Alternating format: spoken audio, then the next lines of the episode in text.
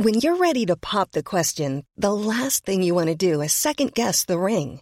At Bluenile.com, you can design a one of a kind ring with the ease and convenience of shopping online. Choose your diamond and setting. When you find the one, you'll get it delivered right to your door. Go to Bluenile.com and use promo code LISTEN to get $50 off your purchase of $500 or more. That's code LISTEN at Bluenile.com for $50 off your purchase.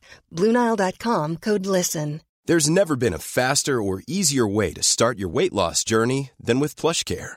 PlushCare accepts most insurance plans and gives you online access to board-certified physicians who can prescribe FDA-approved weight loss medications like Wigovi and Zepbound for those who qualify. Take charge of your health and speak with a board-certified physician about a weight loss plan that's right for you. Get started today at plushcare.com slash weight loss. That's plushcare.com slash weight loss. plushcare.com slash weight loss. Burrow's furniture is built for the way you live. From ensuring easy assembly and disassembly to honoring highly requested new colors for their award-winning seating, they always have their customers in mind. Their modular seating is made out of durable materials to last and grow with you. And with Burrow, you always get fast, free shipping. Get up to 60% off during Burrow's Memorial Day sale at burrow.com slash ACAST. That's burrow.com slash ACAST. burrow.com slash ACAST.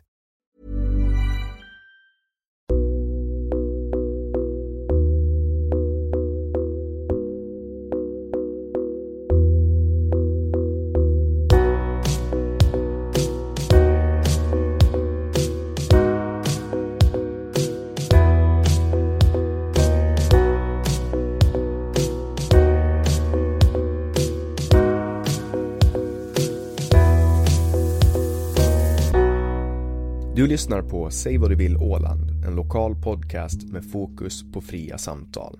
Jag heter Jannik Svensson och producent för podden är Didrik Svan. Vår podd består av mastodontsamtal.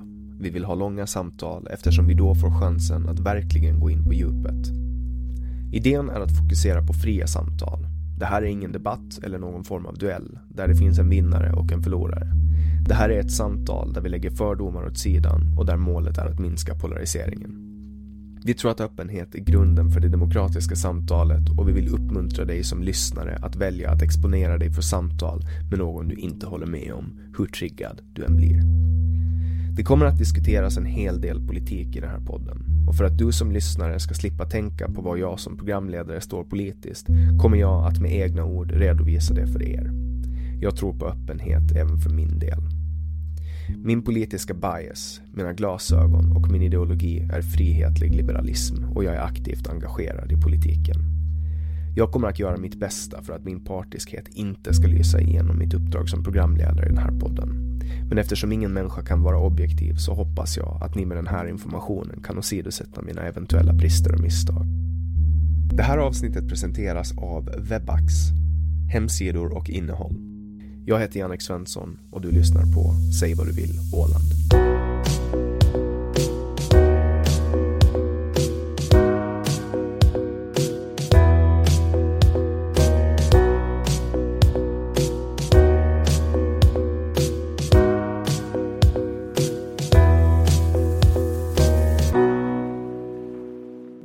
Hans nya polismästare Johan Pavli kommer från Esbo. Han gjorde polisskolan i Tammerfors och studerade även till statsvetare på Helsingfors universitet.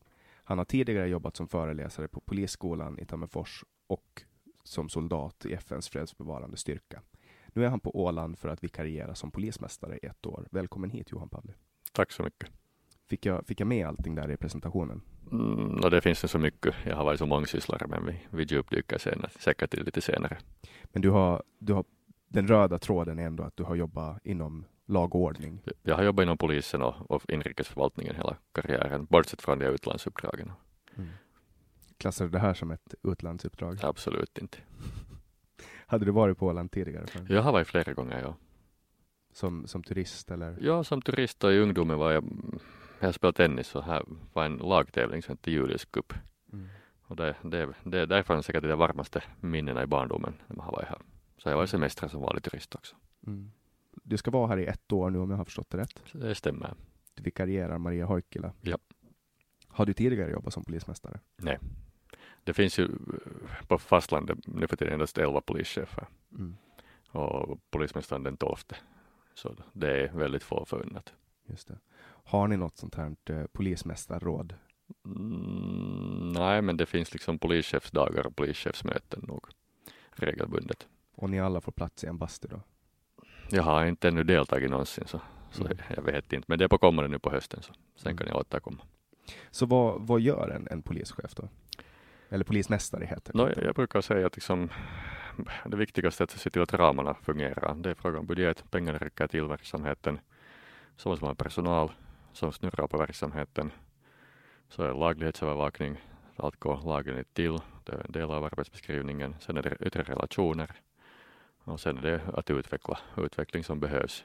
Att det, är liksom, det är nästan enklast att rita en sån låda och sätta de här tecknen runt omkring. Och sen innanför den lådan så finns en enhet där och en som ansvarar för verksamheten.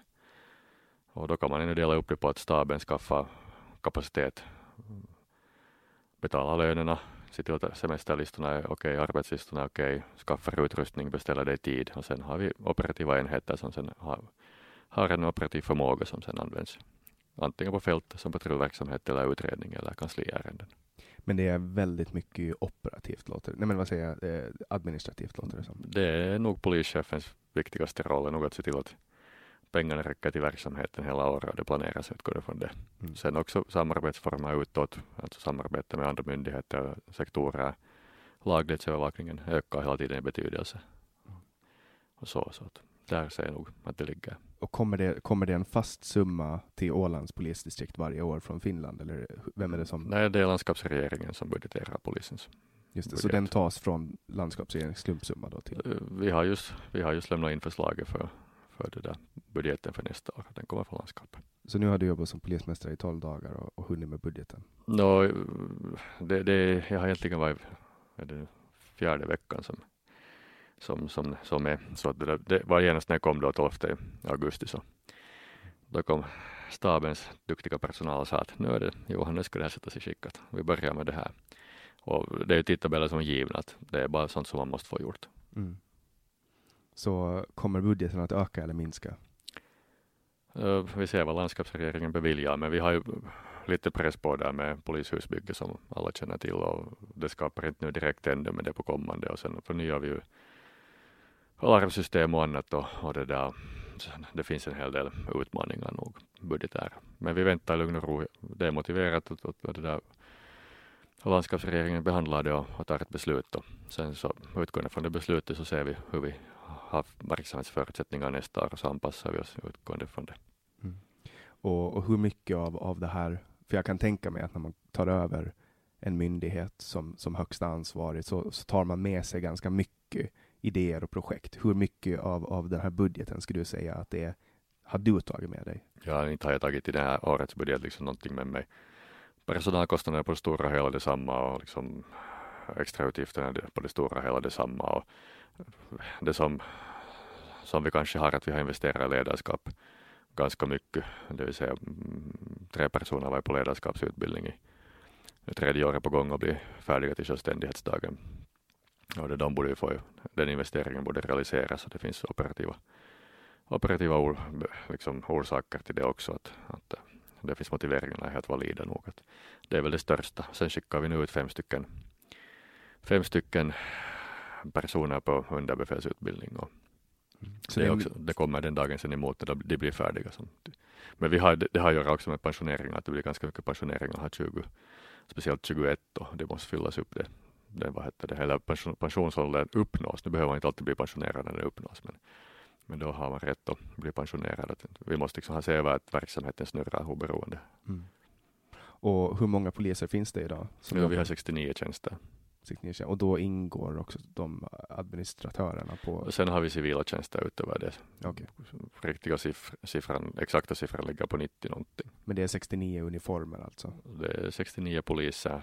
Utredarna använder ju inte alltid uniformer, men Mm. 69 på polistjänsten, polisrättigheter, polisskyldigheter. Just det. Och om jag har förstått det rätt så är Åland ganska unikt polistätt. Per invånare räknat. Nå, det är tätare här än på fastlandet på riket, men om jag nu kommer siffrorna rätt ihåg så har nog Sverige mer, mera än, än det där i tätheten än, än Åland. Alltså Finland är ju i Europa väldigt, har väldigt lite. Åland har lite mera. Men det här finns lite strukturella skillnader. På fastlandet finns en operativ polisstyrelse emellan. Här finns en polisstyrelse men det är ju inte samma uppgift alls. Och sen på, på, på fastlandet finns en eh, på inrikesministeriet polisavdelning med en hel del tjänstemän. Och här finns en tjänsteman kan man väl säga på landskapsregeringen som gör samma förberedande arbete. Att här behövs lite mera nog. Sen är ju området lite annorlunda. Den här dubbla behörigheten så skapar ju ganska mycket utmaningar. När är det rikets behörighet, när är det inte? Och det är inte helt självklara saker. Mm. Och sen som jag inte ännu har hunnit djupdyka i men som nu klargjorts för, åt mig från dag ett att här är den skärgården som har sina egna utmaningar. Mm. Har du varit ute i skärgårdskommunen? Jag har inte hunnit ut ännu till dem. Tanken är nog att vi ska ut och, ut och hälsa på alla kommuner här. Mm. Fort som möjligt. Det betyder praktiken säkert oktober, september. Fast vi är bara i början här så, så är det ganska slutsåld så att säga. Mm. Och nu kommer det ju till Åland när det är som man ska säga, mest rörelse, alltså augusti, eh, ett valår. Det händer ju saker nu. Det är ju evenemang, nu är det ju evenemang varje vecka ända fram till valet i princip. Ja. Var du, var du beredd på att Åland skulle vara så här livligt? Ja, nu, jag har följt med Åland regelbundet en längre tid och Hoikola är bekant och, och det här finns flera bekanta och, och poliser och, och det där. Sen det här just befälsutbildning, de som är på befälsutbildning. Tre stycken killar som var där snart tre års tid så och jag är kurschef där jag jobbar parallellt och så sköter dubbla jobb ännu så ännu den här hösten så jag har kunnat liksom djupdyka i Åland och. Och fått, fått liksom en bra insyn i speciellt polisen men en del också i, i samhället runt omkring. Så du har haft Åland på kartan och som sikte? Mm, ja, ja, som jag har berättat öppet tidigare, när Teijo, Risla blev vald så den gången blev jag uppringd och uppmanad att söka och jag sökte och det där blev inte vald och i retroperspektiv så var det det enda rätta, inte var jag mogen då ännu. Och det där, sen efter det så har jag börjat följa med regelbundet att, att, att det här vad händer här lite och, och vad är utmaningarna? Vi har haft väldigt stora förändringar på fastlandet, lite pejlat vad har hänt på Åland och vad har inte hänt på Åland. Det är ett jätteintressant ställe det här, speciellt den där delade behörigheten som dock nog sen skapar för kåren ganska stora utmaningar. Mm. Hur gammal är du? Jag är 45. Och hur gammal var du när du blev klar polis? Jag var 24 när jag blev klar. Hur länge jobbade du? Vad gjorde du först när du kom ut som? Ja, först hade vi den där arbetspraktiken. Arbetspraktiken som alla åker på. Då åkte jag till, till Helsingfors centrum, till centrumsdistrikt på Lilla Robertsgatan. Där hann jag jobba ungefär fyra månader när vi hade det polismorden på Fabriksgatan. Jag kände båda killarna och vi satt i kafferummet tillsammans alla veckor. Det var lite så här brutal awakening som man säger. Men liksom sen så gjorde jag praktiken och så åkte jag tillbaka till skolan för cirka ett halvt år och så kom jag ut till 98 i juni och tillbaka till centrumsdistrikt i Helsingfors. Där körde jag patrull, patrullbil. Uh, 98, 99. 99 gjorde jag en kort runda på utredningen. Så var jag tillbaka 2000 patrullbil. 2001 åkte jag utlands på fredsbevarande tjänst. Kom tillbaka 2002. Så var jag 2002 ännu i patrullbilen. Så blev jag gjorde en runda som analytiker. Där jag inte vara mer än någon månad. månad så blev jag sen förfrågad till staben. På den vägen är jag. Och vad, vad var din, vad var det som gjorde att du ville bli polis? Det är, det är en bra fråga det där. Jag har själv funderat på det för jag har ju inga, inga liksom polisiärt i släkten eller i familjen. Att, att där. Jag gick på ett sånt internationellt gymnasium, IB, IB gymnasium det där. Det var lite tyngre att läsa än, vanligt, vanligt gymnasium hade annan systematik och så tänkte jag att, att jag vill göra någonting som, som jag liksom intellektuellt måste uppdatera mina kunskaper hela tiden, men sen man ändå ska se resultatet av jobbet. Och sen har jag ändå ända sedan ung intresserad av, av säkerhet och, och det där. Jag har alltid läst på tidningen först, så internationella nyheter, specifikt säkerhetsrelaterade. Och sen har jag tittat på sporten och sen på inrikes och där också en säkerhetsrelaterade. Så, det fanns två alternativ, det fanns militären eller, eller polisen. Och, och jag gjorde beväringstjänsten som de flesta andra på, på fastlandet i Dragsvik och gick reservofficersskolan och, och det där. Det kändes inte som, liksom, det var inte riktigt mitt hem. Det var så, så, så styvt på något sätt. Det fanns inte utrymme för att vara innovativ och liksom lyfta fram egna idéer och tankar. Så sen blev det polisskolan och inte hann jag nu vara länge på polisskolan så, så, det där, så insåg jag att nu är det dags för mig att läsa på universitetet också, att polisskolan räcker inte. Men själva yrket är liksom fantastiskt bra. Att, att man får göra handlingar som har konkret inverkan på folks säkerhet omedelbart. Att just som patrull, när man kör patrull, att man kommer till en misshandelsplats eller familjevåldsplats och kan avbryta det omedelbart. Att nu är det ju en otrolig tillfredsställelse. Och det där, på den banan är jag, jag skulle nog inte byta bort inte. Visste du när du satte dig i patrullbilen att du skulle fortsätta uppåt i Mm. hierarkin eller vad man ska säga? Nej, jag drömde om att bli, bli vad heter det, fältchef och överkonstapel. Det var liksom, där var målet, att komma upp dit en vacker dag. Så. Mm. Men det är beyond that. No, det blev ju aldrig överkonstapel, att jag blev från äldre konstapel direkt till inspektör, så jag hoppade över det lite. Och, och det hade nog lite mer med, med det där arbetsplatsen att göra än, än med mina egna val. Att jag fick min, min kandidatavhandling färdig och, och det där, så sa min chef att nu får du till grönare kvistar och så att vi skulle gärna kunna tala om de grönare kvistarna. Så meddelades det klart och tydligt att, att med en universitetsexamen så avancerar man inte på det stället där jag var utan det är endast den interna utbildningen och, och i den ordning man har, har gjort jag hade underbefälsutbildningen också gjord men jag var något nummer 24 på väntelistan. Så, så, det, så sen när det blev fråga från staben att komma till staben så det var ganska lätt att fundera att ska jag vänta 15 år att, att få bli överkonstapel eller, eller ta emot nya utmaningar. Så, Och då blev du då inspektör. då blev jag inspektör. Och Ja. vad gör en inspektör? No, det var en civiltjänst. Uh, jag höll på med strategisk utveckling, strategiska planeringen då på, på polisen i Helsingfors. Början på 2000-talet så var det balance scorecard kom ganska starkt, liksom balanserad modell med olika perspektiv, hur man inte bara verksamhetens effektivitet utan också personalen och processerna. Och, och den vägen började vi titta på och snurra på siffror och sen från systemen, att i det, det här ICT-systemet började siffror på den tiden jättebra mycket. Och så blev man lite liksom en analytiker är fel ordet, att vi grävde nog ut de siffrorna och så funderade vi vad det betyder så in i resultatplaneringen och resultatavtalen. Att hur, man liksom utvecklar hela, hela verksamheten liksom balanserat. Men det var alltså pengar det handlade om då? no, det handlar lite om pengar och, och, det där, och lite om effektivitet i verksamheten och, och det där, lite vart resursen ska läggas, vilken tid på dygnet, varför, hurdant material man ska skaffa för att effektivera verksamheten. Verksamhetsmodeller, ska man köra med bilarna eller ska man ut ur bilen och vandra mellan med, med människor? Att, att, liksom, egentligen fanns det inga gränser för vad man ville Det låter alltså väldigt, väldigt um, överskådligt, alltså från ett helikopterperspektiv styra organisationen. Det, det var det, men det var ju liksom en bifunk- stödfunktion åt, åt, operativ, åt, åt biträdande polischefen. Mm. Där, han var ju fullt operativ då, att de hade den arbetsfördelningen. Polismäst, polischefen så syntes inte där på, det, där var jag jobbade i staben och det var biträdande polischefen då som snurrade på all verksamhet. Och då var ju Helsingforspolisen cirka 2000 personer, så det var en stor, stor organisation. Mm. Men det var, det var härligt, man liksom kunde förivra sig och jobba helt för mycket för det fanns ju inga hinder. Liksom. Och det var i den här vevan som du studerade till statsvetare, eller var det innan? Har jag studerat innan redan. Att det, där, det var en sån här rolig händelse. Eller inte var den rolig, men så ett, efter att det roligt. Jag hade ett av de första proven på polisskolan och så hade jag en fråga om en polislärare.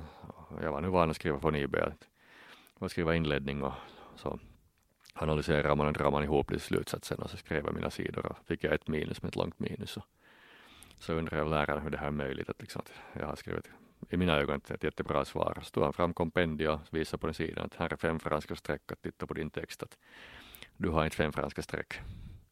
Och det, var då jag insåg att okej, okay, att nu tar vi inträdesböckerna i handen och, och det där skaffade intellektuella någon annanstans ifrån. Sen har ju polisen tack och lov ändrat totalt. Men, men så var det på, på glada 90-talet. Så du har varit med, under hur många omstruktureringar har du varit inom myndigheten? Nå, då när jag började studera 96 så då hade vi just haft häradsförändringen så, så jag, jag, jag hann inte med på länsmanstiden utan det var här, här där. Och sen hade vi 2000 uh, blir det nio som den första förvaltningsreformen kom när inrättningarna som var 90 plus slås ihop till 23 så kom 2010 var det väl länen avskaffades så det blev polisstyrelse och sen 2014 var väl den sista då de 23 inrättningarna blev 11. Är det här ett bättre system nu än de äldre? På fastlandet är det bättre men, men det går inte att anpassa på Åland helt. Volymerna, alltså det finns fördelar i småskalighet och det finns fördelar i storskalighet. Och det där verksamhetsmiljön ska nog vara avgörande vilken modell man har. Så när du när du tittar på de, till exempel om vi tar en konkret grej, eh, utredningstiden, hur ser det ut på Åland om man jämför med fastlandet? Ja, det var en bra fråga. Vi har vissa utmaningar där med tidsprocesserna som vi jobbar med för tillfället.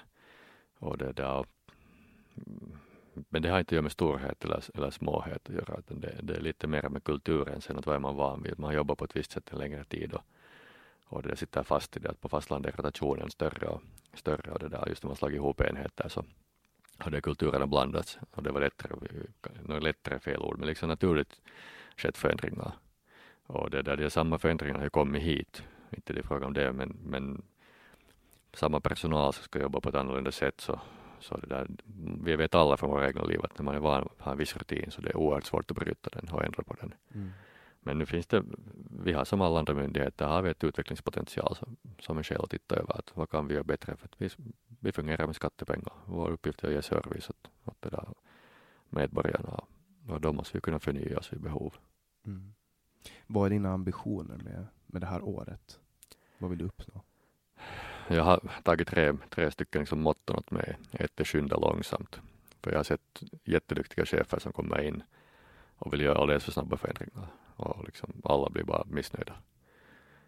Det, så jag, jag, jag utgår från att jag vet inte de rätta sakerna utan min uppgift är att plocka fram information från personalen och, och det där de jag jobbar med, vad, vad uppfattar de att behöver ändras på varför och sen pussla ihop, skaffa den informationen och titta vad behöver vi göra med små korrigeringar. Jag tror inte på att man kommer att göra stora ändringar utan små utvecklingar i, vardagen. Helt normalt kvalitetsarbete. Sen har jag transparent och tillit, alltså det andra att man måste kunna vara ärlig och berätta hur saker och ting ligger till. Och det där tilliten skapas bara genom att man fungerar som man säger att man handlar. Och är man tvungen att göra något annat så måste man berätta snabbt och, och varför man är tvungen att göra på annat sätt. Att det bygger trygghet i, i vardagen, det är nog det största. Mm. Just det. Och om vi hoppar tillbaks då till, eh, till efter, efter inspektionstiden, vad gjorde du då? Eh, inspektörstiden? Ja, det, var, det var det där, som jag sa, det var en så spännande tid att man fick jobba just så mycket man ville och gräva i allting. Att det var enda gången i livet jag höll på att gå in i väggen och, och jag insåg att nu liksom kommer jag inte loss från jobbet, jag jobbar för mycket och det är för skoj. Och på den tiden hade jag inte barn ännu, så liksom det var lätt att spendera långa dagar på långa tider på jobbet. Och det där. Så tog jag lätta vägen ut som jag brukar säga, att jag åkte ut som, som det där fredsbevarare igen. Och det är ju inte så att det där jobbet är lätt, men det som är lätt där är att man har en struktur, att klockan ringer varje dag, varje morgon en viss tid, så kommer man äta frukost och kommer på kontoret. Så är lunchen samma tid, så är middagen samma tid och så ska det vara tystnad ungefär samma tid. Liksom det där runt omkring som, så ger trygghet i, i rutinerna. Men då jobbade du alltså som soldat i FNs fredsbevarande styrkor? Ja, då 2001-2002 så då var jag först i, i Libanon i, i det där Unifil med blå barett och så bytte vi därifrån till Kosovo och det är sen KFOR, NATO-ledd operation och, och det där bytte till, till grön barett och sen 2005 åkte jag ut andra gången och då var jag en sån samnordisk enhet som jag inte kan säga så jättemycket mer om. Inte. Och halvt år, halvt år var jag där och det där stortrivdes. Det var helt intellektuellt fantastiskt stimulerande just med det nordiska. Men det var mera kontorstjänst än soldat med? Nej, det kan jag inte säga så mycket om. Okay, du, det, det, är det, är en sån bransch som jag inte har rätt, rätt att tala, tala egentligen någonting om. Men det var en dramatisk tid, får jag fråga det? Nej, alltså det där, om, om vi tar de tre uppdragen, som Libanon var, som var mitt första, det var helt fantastiskt.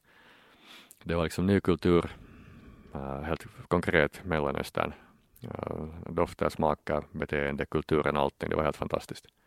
Och det där alla som var där, största delen var ganska, det var första gången så liksom det svetsades ihop gänget jättebra. Jag har en massa goda kompisar från den tiden fortfarande. Så bytte vi till, till Kosovo. Det var en annan verksamhetskultur när vi får in i NATO-system där rörelseutrymmet var ganska litet och det var väldigt strikt och, och en sån stor skillnad kan man säkert säga att i Libanon så hade vi uppmaning att ha att göra så mycket med lokalbefolkningen som möjligt. Och det där, vi i praktiken snurrar på mikroekonomin och det skyddade oss att när man var ute på och åt eller ute och tittade på något att köpa så lokala berättade att nu ska ni få tillbaka till lägret om 15 minuter eller en halvtimme händer här. Undrar man vad händer? Så inte kan de säga, men de vet att något händer. Och så tog man bilen och åkte tillbaka till lägret och alldeles riktigt så var det hände sen. Att i och med den kopplingen till mikroekonomin så, så var det en skyddsfaktor.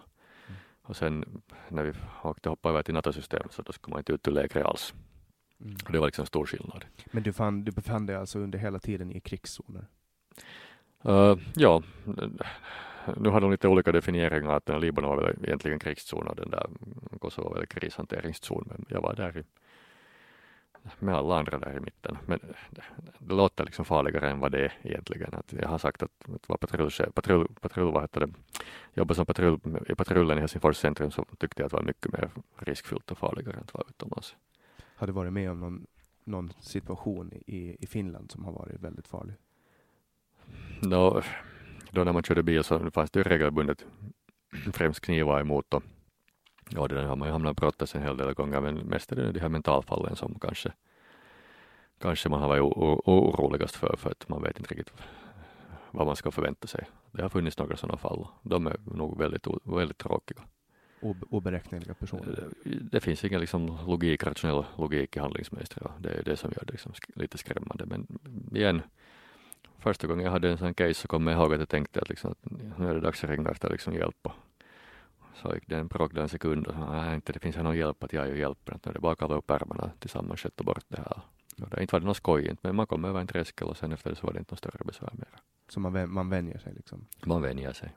Eller så byter man sen om man inte klarar av det. Eller liksom det är för belastande så. Det finns ju innejobb man kan göra istället. Men jag tyckte nog om då när jag var ung att köra bil. Just det där att man kunde avbryta, avbryta aktiva händelser. Så, så inne i Helsingfors centrum det var ju mycket misshandlade, det gällde. Och det där, en hel del skadegörelse. Och det där, och en hel del snatteri, det var en sån rutingrejer som inte var kanske så speciella. Och det där. Men det misshandlarna var nog liksom mycket och störande beteende som sen någon slags våld involverade i. Att kunna komma på plats och, och det där avbryta, avbryta händelserna och det där offret, offret skulle nästan ha fått tagit stryk ganska duktigt. Att det var helt som vardagliga grejer. Finns det någon, någon situation som du har gått in i där du konkret sett att du har räddat någons liv? Ja, det är svårt att säga det där hur långt de enstaka handlingarna ska ha gått. Att, eh, jag har inte haft under mina år redan kört något riktigt, riktigt hemska grejer. Men sen så är det så svårt att säga liksom var det går. Att, att de här morden på Fabriksgatan, så det var inte mitt skift men jag kände dem, vi jobbade delvis samma tider ihop. Att liksom det, det går inte att beräkna. Bara liksom, det är svårt att säga att när är det så farligt sen att det är riktigt farligt. Att man inte vet någonsin att, vad man har emot sig. Därför har vi vissa sen taktiska regler som vi följer. Mm. För det jag tänker är att när man hamnar i en sån situation som människa så, så har man ju fortfarande alla de år som evolutionen har satt in i oss, alltså det här med kampflykt. Att hur, hur liksom kan man träna på en sån situation utan att vara med om den? Hur kan man träna på att hålla is i magen när ens kropp säger åt en att attackera eller spring? Mm, ja, det finns säkert kompetentare människor än jag, men, men det som jag nu har från min egen, egen det där erfarenhet att när man gör repetitioner och övar, att sen när det blir liksom en sån där akut handling så har man ett handlingsmönster i ryggraden så den kommer från ryggraden. Och där är det viktigt att öva och repetera hela tiden, oberoende är det bruk av maktmedel eller är det någon annan taktisk grej. Att öva, öva, öva för att sen när det där överraskande händer så då handlar vi så som vi är vana, vana att öva. Har du funnit dig i en, en sån situation där, där handlingsmönstret i ryggraden har tagit över? Mm, ja, nu har det ju, nu har det ju kommit. Det är regelbundet, men det har inte varit så liksom, eller jag har inte klassat dem som så farliga akuta situationer, men olika situationer med maktmedel eller förberedelse för maktmedel, att, så kommer det från ryggraden. Att. Mm. Så efter FN-tiden då, det var 2005 som du? Det var sista uppdraget var 2005 i Kosovo, NATO, KFOR. Och sen blev du då? Sen blev det inrikesministeriet och det där programmet för säkerheten. Jag hade hunnit vara en månad i, i det där Kosovo när jag blev uppringd att om jag skulle vara intresserad att komma till, till det där programmet för inre säkerheten. Och, och jag skulle vara ett år i Kosovo men jag, det blev sen sex månader istället. Och så kom jag hemma och så blev jag civiltjänst. Och det där, först inspektör en kort stund och sen överinspektör. Och där var jag 2005 december till 2008 ut, så lite över tre år. Första och andra programmet. Halvvägs första och inledningen av andra programmet. Och det var i Helsingfors? Där, ja, det var ett sånt tväradministrativt regeringsprogram. Alltså statens långsiktiga mm, strategiska planering för, för hur den inre säkerheten utvecklas kan man väl säga. Att Första varvet var vi under tio ministerium som var med och andra varvet var vi över tio ministerium och, och där sökte man så här tväradministrativa lösningar som, som det där, alla myndigheter får gemensam nytta av att jobba, jobba tillsammans och sökte modeller där man liksom arbetar tillsammans och, och också i mm, budgetmotiveringar liksom sökte tillsammans samtidigt. Att, att det är inte så att polisen får pengar för att göra någonting och borde göra tillsammans med ungdomen eller socialen och de blir utan, utan liksom man koordinerar den, den, den sidan också. Mm. Så det, du då jobbade med landets inre säkerhet kan man ja. säga? Och, och den, det här låter ju som det låter ju som att du nästan alltid har chefspositioner på något sätt. Ja, det var nog inga chefspositioner. Det eller, eller vad ska man säga, över, alltså, över administrativa positioner, där, där allting är liksom det låter som att det är väldigt, väldigt mycket administration, att det är röda tråden i din karriär. Ja, det är säkert det här helikopterperspektivet har varit ett, ett liksom att titta bredare än, än bara en sak och, och, det sitter liksom ganska naturligt. Det kommer ganska naturligt för mig. Det finns många synvinklar, man kan se på samma sak på många olika sätt och jag tycker om att bredda problemet för att hitta lösningen istället, liksom att göra det mindre. För det ska tjäna helheten. Och det där.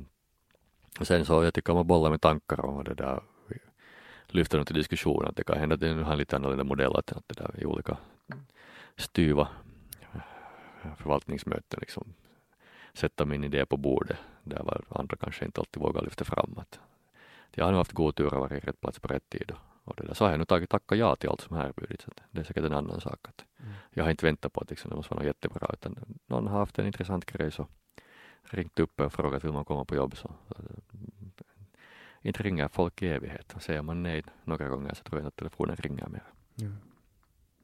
Så, så efter 2009 då så har du jobbat som instruktör? Eller? Nej, sen, sen det där 2008 så, så tog jag bytte från programmet för inre säkerheten till ett projektchefskap på Polisyrkeshögskolan.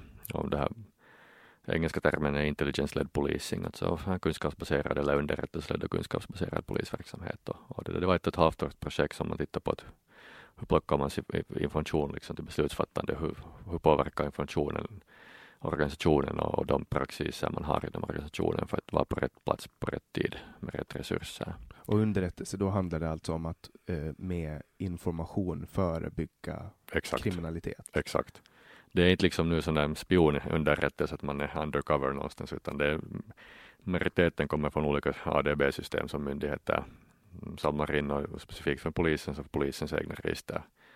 Och sen offentlig information, alltså offentlig information finns hur mycket som helst som är användbart. Eh, det var tidningen skriver. Det kan ju hända att det är någon större tillställning man har missat som tidningen lyfter upp. Och det där som kan påverka att samlas i 10 000 människor eller hade nu intervjuats någon fanclub som lyfter fram några andra saker som, som liksom man inte har noterat från systemet men ner i kvalitativ aspekt så, så det är också sen mycket liten liksom mycket promilleandel eller procentandel har att göra med att man skulle ha liksom haft någon slags spaningsverksamhet. Det är helt specifikt och det är mer det operativa utan mer på liksom hela ledningshelheten. Hur ska den ledningshelheten, strukturen fungera? Vad behövs det för funktioner? Och vad händer när informationen kommer in på olika nivåer? Vad, vad, ska man, vad ska det hända när, när informationen kommer in? Vad, vad är ett ADB-system? Ja, alltså ett, vilket, vilket ICT-system som helst där man lagrar någon slags information. Och då, då kollar ni på data för att på något sätt förutspå? No, det finns liksom olika, olika system, att ju större massa det är så, om vi tittar på Helsingfors så så det är bara att köra, köra. Ta nu misshandlare, att, att det, det sker så pass mycket att man sätter det på en vanlig kurva att vilken, och så lägger man in där liksom, alltså volymkurva så lägger man in vilken dag i veckan. Och så får man en peak på fredag och lördag, främst fredag, lördag natt. Och sen till nästa tittar man på klockslaget och så får man en peak där någonstans 20, början från 23 framåt eller någonting. Undrar varför just den tiden. och det där och det. Är med alkohol brukar göra. Och sen så till nästa så kan man börja titta på dresser. Mm. Och det där sen betyder, behöver det inte betyda liksom radikala åtgärder men enkelt för polisen att sätta en patrull och det där placera en patrull fysiskt på plats där var det händer mycket. Det liksom lugnar ner automatiskt. Sen har vi ett kansliverksamhet, tillståndsverksamhet som man kan, kan ju via olika tillstånd också påverka. Att den som driver, driver den där näringen så har vissa skyldigheter också. Att ta i beaktande det. Men då finns det alltså väldigt mycket data att utgå ifrån? Det finns, världen är full av data, det ökar bara hela tiden. Finns det någon form av algoritm som kan förutspå brott? Mm, det finns det säkert någonstans. Eh, jag känner ju inte till vad man, riktigt vad man gör ute i världen i dagens läge mera men Används det i Finland någon form av det kan det finnas någonstans men det där, jag, jag känner inte till att på den stora hela det grund, grundsystemet, alltså brotts, brottsanmälningarna innehåller ju och sen de alarmuppdragen, de innehåller ju klocktider och, och det händelseplatser och så vidare. Att man kommer med dem. Sen om det finns någon som special, specialfunktioner så, så det känner jag inte till och, och det där och bättre så så säger jag inte i så fall någonting som jag inte får säga. Mm. Men det finns en chans att du kanske har? No, jag är helt övertygad om att ute i världen så finns det liksom finns det algoritmer som man använder men det är inte i finskt samhälle så vi är ju ett väldigt öppet samhälle och liksom ett samhälle där man litar på varandra. Så jag har svårt att se att här skulle finnas några algoritmer som tittar på det hela. Men sen om vi går till, till totalitära stater så är jag helt övertygad om att det finns hur mycket som helst. Mm. För jag kan tänka mig att, att det blir mycket svårare att göra en sån dataanalys på Åland i och med att det är färre dataceller. Men här är, här, här är liksom småskalighetens nytta. Att här, här det där, alla vet nog ganska bra vad det händer när det händer. Man vet vem som kommer att misshandla vem? no, det vet jag inte men, men det där, nu, jag lever i den uppfattningen att, att liksom, eftersom det ändå är så pass småskaligt så har man en väldigt god uppfattning om, om vad som är på gång. Sen finns det alltid mörkertal och områden som man inte vet så mycket om, det är helt självklart. Men det är lite som det var förr i tiden på fastlandet när det var län. Ja, det här länsmansdistrikten, att när det var små länsmansdistrikt så, så när det hände någonting så kunde man ungefär utgå ifrån vem det var. Nu är här ju en massa turister med turism och annat, liksom folk kommer och går så det är inte, det är inte så enkelt men, men den här småskaligheten ger vissa polisiära fördelar nog. Vad är det för vad är det för utmaningar som finns inom myndigheten nu? No, vi, har, vi har med polisstyrelsen kommit överens om att inriktningsmålen är de samma nästa år. Det är, vi, ska, vi ska vara tillgängliga och erbjuda service över hela Åland åt alla ålänningar och där är nog skärgården utmanande. Sen har vi narkotika och så har vi våld i nära relationer. Det, är, det är liksom det här hände också de första veckorna när jag kom. Delvis är de vettiga och det där alla har samma åsikt och sen så liksom som utomstående så absolut ingen idé. Jag tror att man vet någonting som har börjat ändra på det utan vi kör med de trygga rutinerna, tittar på hur vi kan utveckla vår vardagliga verksamhet utgående från de behoven som allmänheten ger åt oss eller som väcks in internt inifrån att här finns utvecklingspotential. Och, sen sa jag när jag var på, på landskapsregeringen att man får, liksom, regeringen ska nog ställa krav på polisen också. Det är skattefinansierat. Och, och det där. Men det görs då via polisstyrelsen, för polisstyrelsen är politiskt tillsatt? Det, och poli, det... polisstyrelsen har vi kommit överens inriktningsmålen. Okay, det Men alltså... det finns ju olika styrningar. Det finns ju, det finns ju det här inriktningsmålningen, mål, målsättningen, det är liksom operativa styrningar. Sen finns det ju budgetstyrning och författningsstyrning. Alltså man kan styra med budget och med lagar också. Mm. Så men landskapsregeringen som i praktiken de folkvalda som sätter åt oss målsättningarna och ger resurserna. Just det. Så, så det är alltså eh, politiskt um, som man ställer målen för myndigheten då? Alltså att det ska finnas tillgänglighet för alla ålänningar. Man ska Nej. satsa på narkotika och våld i nära ja. relationer. Det är ju en symbios sen när vi talar om den operativa verksamheten. Att polisen har ju egna uppfattningar om vad som behövs, behövs göras. Jag, som jag, det kom fram förutom polis och utbildade sig statsvetare i, det där också. För mig är det väldigt viktigt att de tydliga, tydliga rollerna är klart separata från varandra. Att vi har lagstiftande makt och den blandas inte med verkställande. Mm. Jag, jag representerar verkställande myndighet och, och vi blandar oss inte i det politiska eller det, det, det övervakande. Eller så, dömande. Eller dömande. Alltså dömande existerar, vi blandar oss inte det, det håller sen. Och sen har vi ännu medien som är den fjärde i praktiken som är övervakande. Och, och den ska finnas där och den ska övervaka myndigheten absolut. Ser du, ser du den här podden som en del av, av media? Nu ser jag podden som en del av media men inte som liksom, traditionell media. Mm. Det är ju en, jag kallar det för alternativ media. I och med att vi är ett alternativ till de etablerade medierna. Ja. Som ett, liksom ett, ett komplement. Men hur, hur, är, hur ser du din, din roll som polismästare med din relation till invånarna på Åland? Mm. Det är en bra fråga. Alltså, I grund och botten så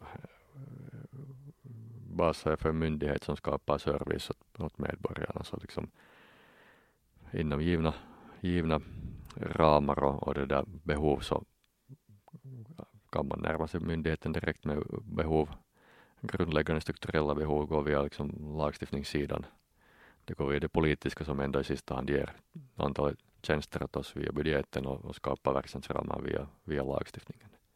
Att det beror inte på vad ärende men det är ett serviceyrke under alla omständigheter. För, för mitt perspektiv så är det ett serviceyrke, såväl, eller min position såväl externt som internt. Att, att min uppgift är att skaffa att också att de som sen gör den där faktiska servicen, det vill säga de som kör patrullbilar, de som sköter utredningar eller, eller på tillståndskansliet, så att de ska också ha möjligheter att kunna, kunna skapa service åt, åt medborgarna. Kommer du att, säg till exempel att det skulle vara någon händelse som, som skedde, skulle du då vara ansiktet utåt för myndigheten och ta presskonferenser eller är du mera liksom? Det beror, det beror helt på vad det gäller. Alltså, Eh, uh, om det nu blir med budgeten eller laglighetsövervakning eller, eller liksom rekryteringar eller liksom på det stora hela något, så det är helt självklart jag är ansikte utåt. Uh, sen om det går in till en, liksom en, en enskild utredning, så då är, är nog utredningschefen den som är liksom i, i avgörande roll som sitter på informationen. Samma om det är en enskild operativ händelse så har vi ju såväl liksom administrativt en enhetschef för den verksamheten så har vi en allmänledare som, som existerar 24-7 365. Alltså vi har hela tiden ett befäl som tar ledning vid behov av operativsituationer. Och de rollerna ska man inte liksom blanda. Att är det akut situation så är det den operativa som, som tar det. Då är min uppgift mer tillsammans med staben att säkerställa att de får de resurser de behöver, de får den friheten de behöver. Att, där kan det hända att man i så fall är tvungen att ta det en stund. Att jag har noterat någon intervju här, eller att min, till min arbetsbeskrivning hör att ta smällar om, om det behövs. Både för personalen och för myndigheten. Men den som sitter på bästa informationen, det är nog den vettigaste att ha, ha att ta den där informationsansvaret. För att annars blir det lätt sen missförstånd. Mm. Och det att man har lite mera schabloner på axlarna så liksom inte löser det. Jag tror inte bara på, liksom, jag tror inte på liksom att positionen i organisationen är avgörande, utan kunskapen är avgörande. Mm.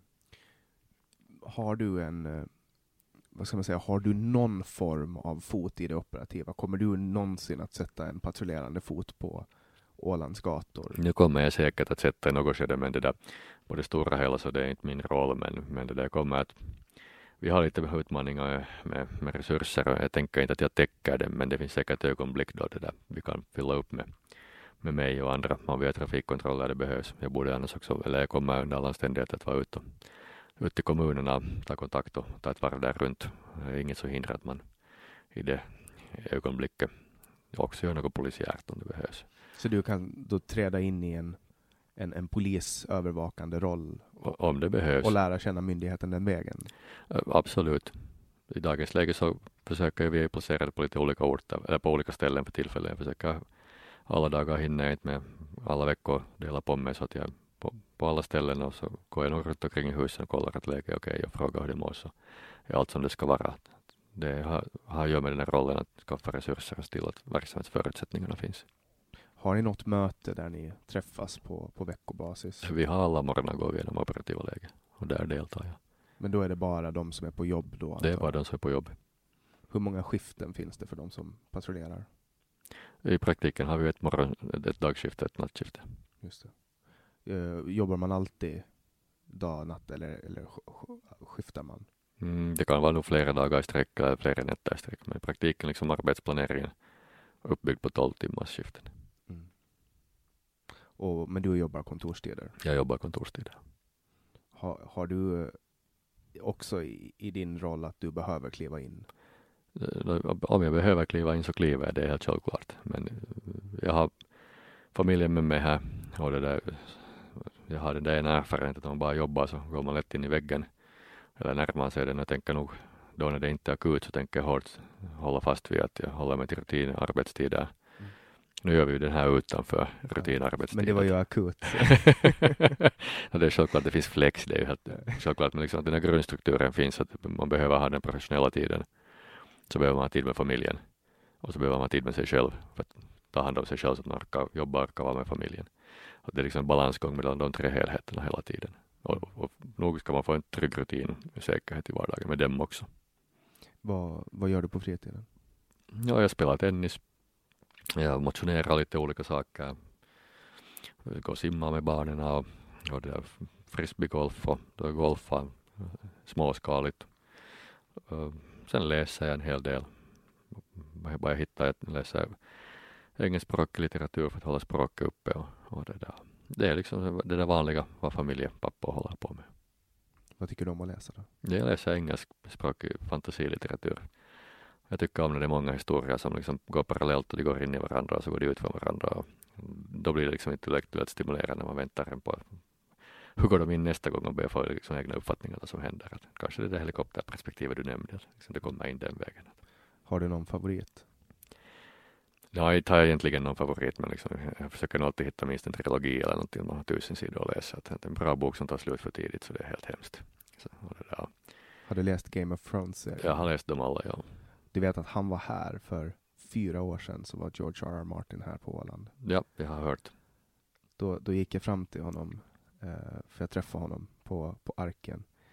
Och så gick jag fram till honom och så frågade jag honom varför, varför gjorde du, varför skrev du Red Wedding? Och då, då lutade han sig tillbaka och sa han, Too bad for you boy. och jag vet än i denna dag inte om det var en fråga eller om det var ett påstående. Okej, okay, okej. Okay, ja. Men eh, där har vi ju en, en som har påverkat världen väldigt ja. mycket.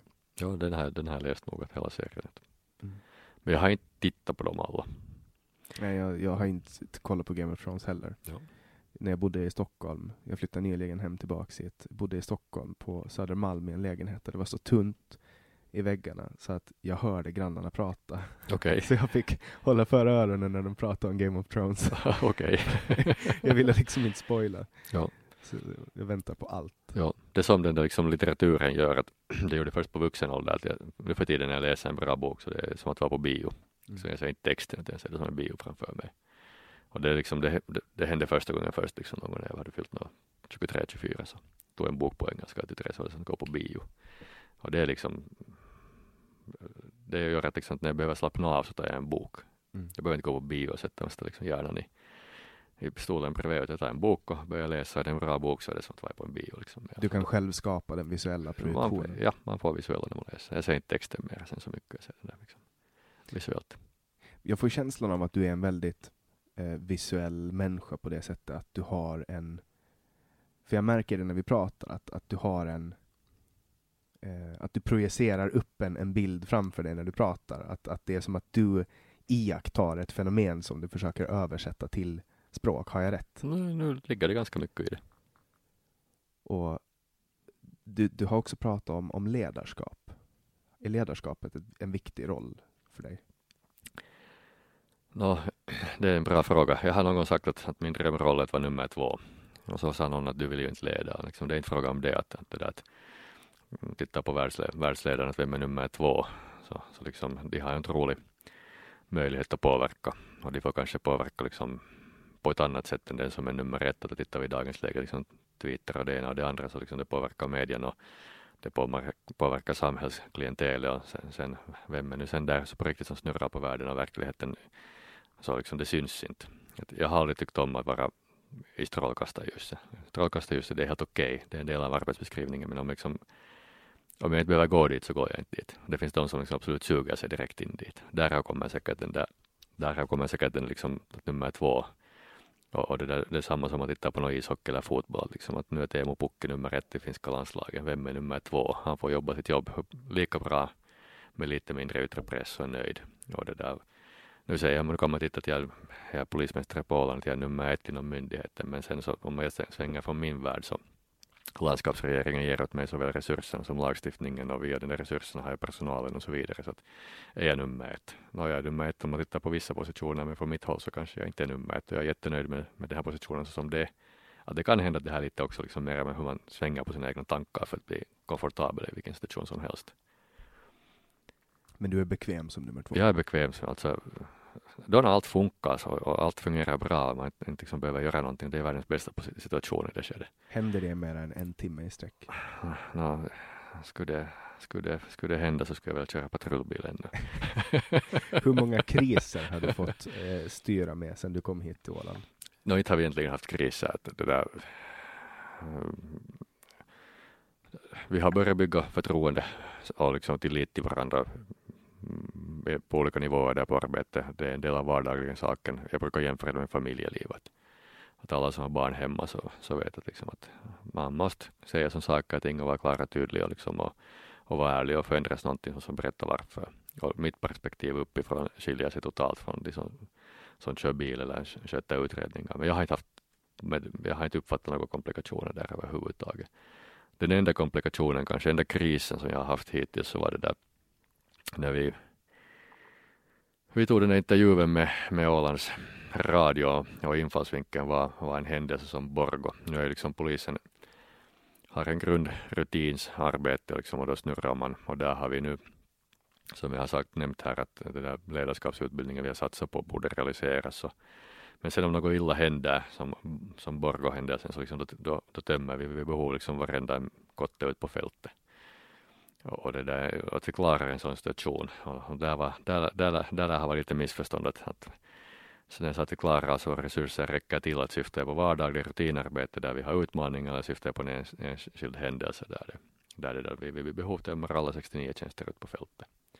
Att otydlig kommunikation från min sida så jag tittar i spegeln och noterar att det, jag, tog, jag tog smällen hur mycket jag förorsakade den eller inte så minst no, jag var ena parten så jag förorsakade väl 50 procent åtminstone. Mm. Så att, men otydlighet i kommunikation som man nu sakta säkert får lära sig och vara tydligare. Du kan ju också tänka dig vilken sida jag tar i den här konflikten. När det, om det är någonting som har hänt med radion. Då tar jag per automatik din sida. Nej, men det är ju inte så enkelt. Liksom. Jag, jag, så är ju gammal polis att, att, det, där, att eh, det finns alltid så många liksom, delaktigheter som finns parter i ett mål. Mm. Och ofta är det kommunikation det gäller. Det mesta här liksom dilemman är kommunikation.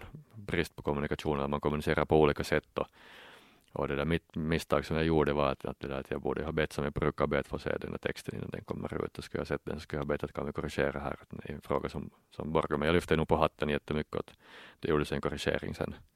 Och det där, så alltså den där blev vinklad utgående från den liksom infallsvinkel vi hade när vi tog diskussionen. Så att jag är jättenöjd och glad över samarbetet, fungerar jättebra. Den där enda grejen kanske var att det var på första sidan när det liksom väckte uppmärksamhet till korrigeringen så var det sen på tredje sidan men, men det, där, det har nu klargjorts i alla fall att och det är nog min tydlighet i kommunikationen som måste förbättras. Men det är en del av det här, nu lära sig nu den polismästarrollen.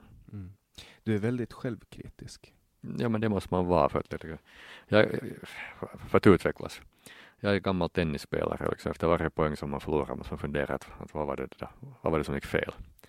Och, och, det, där, det finns alltid, man kan göra något själv. Att, och sen när jag var på, på den patrullbilen, jag var utredare också en tid och så där, så liksom det är väldigt frustrerande att som yrkeskår att liksom se att, att liksom båda parter har kanske själv ser i spegeln så, så är det alltid, eller väldigt ofta så att den ena är liksom fixerad och inte, inte går med på att se i spegeln så att den har själv något att göra åt saken. Och det kan hända att det sen präglar att jag tittar väldigt kritiskt nog på, på egna handlingar. Men, men det där. För, för det måste ju vara en egenskap som, som man behöver som polis. För jag kan tänka mig att, att utreda ett brott, då, då har ju du som människa en känsla för vem har gjort vad och vem har gjort fel och vem har gjort rätt. Men sen måste du ändå utgå ifrån lagen, att man är oskyldig tills motsatsen är bevisad och att du bara ska göra ditt jobb och att du har ett visst antal verktyg i din låda för att få fram det önskade resultatet. Ja, man måste komma ihåg när det gäller förundersökning att det är inte bara liksom man söker inte bara fakta för att försöka binda den där misstänkta, man söker lika mycket fakta för att se att det är den misstänkta på riktigt oskyldig eller inte det, det, glöms ofta bort att man tar automatiskt någon är misstänkt så försöker polisen förundersökning bara ut sådana saker som liksom binder. Men lika viktigt att söka ut om det finns saker som inte binder, som frigör. Men det är ganska lätt för åklagaren att se de sidorna, antar jag, när ni skickar det vidare? No, jag, jag har inte suttit där på åklagarens perspektiv och ser att vi får ju, vi har en kontinuerlig dialog, dialog med åklagaren väsende och nu har ju de behov att vi förbättrar på kvaliteten regelbundet. Nu kan jag inte säga för Ålands del för att nu har jag haft så lite, lite jag har träffat några av åklagarna och det där, vi har inte kommit in liksom på den dialogen ännu. Men nu är de ju också en sorts kvalitetsmätare åt oss. Att det förundersökningsmaterial är sådant att de har lätt att föra det vidare eller inte. Så det är en, det är en viktig samarbetspartner just från den kvalitativa aspekten. Mm. Man har pratat i, i Sverige så har det ju varit mycket diskussioner kring deras omstruktureringar och man har pratat om att försöka få upp eh, antalet utredningar, alltså snabba upp det genom att ta in civilutredare. Är det en diskussion som har förts i Finland? Mm, jag identifierar inte den från fastlandet. Här på Åland har vi lite diskuterat, det finns en hel del det finns en del svenska poliser som gärna skulle komma och jobba här. Och det där, för att bli polis i Finland så måste man ha finskt medborgarskap. Och det tar sen sina år. Och det där ska man kunna utnyttja dem som civila utredare. Vi har ju liksom en rekryteringsutmaning nog vad det gäller att få poliser då när, det, då när, vi, har, då när vi har tomma lediga tjänster. För vi har en utmaning att vi inte fått ålänningar tillräckligt på, på poliskurserna. Så vi, vi måste få, för att bibehålla servicenivån så behöver vi ha de tjänster fyllda som vi har. Men det finns alltså en, en diskussion om att kunna ta in civil... Här på Åland finns det ja, inom myndigheten. Finns det befogenhet att göra det? Ja, nu finns det många saker som civila kan, kan göra. Eller sen om man är som svensk polisutbildad så har man en civil tjänst. Då har man inte polisrättigheter eller polisskyldigheter. Man har liksom möjlighet att jobba hundraprocentigt men man kan göra många saker. Uh, vi tar helt normala saker, så teknisk brottsundersökning ska man kunna som civil göra vissa miljöbrott. Det är säkert många civilutbildade har kompetensen. Ekonomibrott på fastlandet, det är ofta ekonomer som, som gör det också. Det finns många möjligheter. Men får man förrätta förhör till exempel som civil? Mm, det där, vi har ju, ja, nu får man, vi har ju titlar på, på, på ekonomiska brottslighetssidan så är de ofta inspektörer. De har inte polis, de har inte gått skolan, men de har en, en det där mm, kriminalinspektörstjänst eller så. Behörighetskravet säger ju inte alltid att på de här högre tjänsterna så där räcker det ju att man har en högskolekompetens så är man kom, formellt kompetent och blir man utnämnd till en sån så då har man ju förstås de här rättigheterna och skyldigheterna. För, för det, det man har pratat om i de svenska diskussionerna är ju att man skulle kunna utbilda utredare som helt enkelt bara skulle sitta och utreda brott. Att man på det sättet skulle frigöra fler uniformer att vara ute och göra det här operativa arbetet medan man hade kontorsutredare då som skickar saker till åklagaren. Tror du att det är någonting Åland kan förvänta sig att du kan överväga under din period här som polis? No, säkert är det så att om det blir brist på personal i något skede så måste vi överväga alla möjligheter som finns och sen gör, och evaluera utifrån från situationen och ta beslut från det. Men nu finns det ju en styrka i att, att alla har liksom en utbildning på alla polisiära områden, för då förstår man hela verksamheten. Att, att, eh, utredningen behöver mellanåt hjälp av, av det där fältverksamheten och, och sen eh, om man utreder beroende på vad nu brottsbenämningen är så är det nog skäl eller till nytta att känna till liksom de taktiska aspekterna som, som sköts på fältet. Det är en djupare förståelse. Men eh, än så länge har utbildningslinjedragningen varit sådant att alla utbildas till allting. Så är det i Finland, så är det ju inte i, i hela världen. Det finns många ställen där man direkt kommer till grundutbildning och så har man en viss gemensam tid och så väljer man att vill man inrikta sig på fältverksamhet eller på utredningsverksamhet. Men vi har sett som styrka nog i Finland att alla kan göra allting. Mm. Och den svenska diskussionen, debatten känner jag inte till nu så, så bra att jag har inte följt, i namn har jag liksom följt svensk polis och polisiär verksamhet så det är jättemycket. Det skulle nog ha hållit dig sömnlös om du skulle ha gjort det. No, det är jättemycket bra saker också, liksom, också komma ihåg men, men det finns bara så många timmar i, i dygnet och så mycket liksom, man kan göra och följa med. Och det har inte min tid, tid räckt till riktigt. Ja. Jag hade en gäst här i podden för några veckor sedan, Peter Sjöberg. Han eh, jobbar som polis trots att han inte hade utbildning för, vad kan det ha varit, 15 år sedan. Det var på den tiden man kunde sommarjobba som polis. Kan man göra det fortfarande? Nu kommer jag inte ihåg paragrafen i ärlighetens namn så jag måste slå upp det lite. Men i tiden var det ju vanligt att man tog in, in på sommarjobb någon och, och sen jobbade den. Det kunde ju vara mycket mer än en sommar. Det kunde ju ibland pågå i flera år. Och sen den vägen komma in i, i arbetslivet. Men nu kom, jag, jag, jag kommer inte paragrafen ihåg utan så det där kan jag inte ge ett korrekt svar på tyvärr. Men ser du det som ett bra sätt att få in poliser? Nå, inte egentligen inte. Uh, kvalitetskraven är ganska hårda i dagens läge vad gäller förundersökning och, och vad gäller liksom laglighetsövervakning och annat. Och nu, är, nu är det att föredra att ha en som gått den här utbildningen alla gånger, om det bara är möjligt. Men som sagt, att är man i en besvärlig situation och måste svänga på alla stenar så då är det en helt annan, då, då blir liksom, måste man evaluera från en annan infallsvinkel. Mm. Men jag ser inte gärna att jag skulle hamna i en sån situation. Jag skulle försöka nog undvika en sån situation. Mm. För jag, jag kan av, av, egen erfarenhet se liksom att eh, jag har inte haft så mycket kontakt med polisen, men, men jag har som, som vittne och, och, och sen då också som målsägande haft viss erfarenhet. Och då har det hänt två gånger att, att jag har varit på, först har jag varit på ett förhör och sen har det tagit ett och ett halvt till två år förrän jag har varit i rättssalen.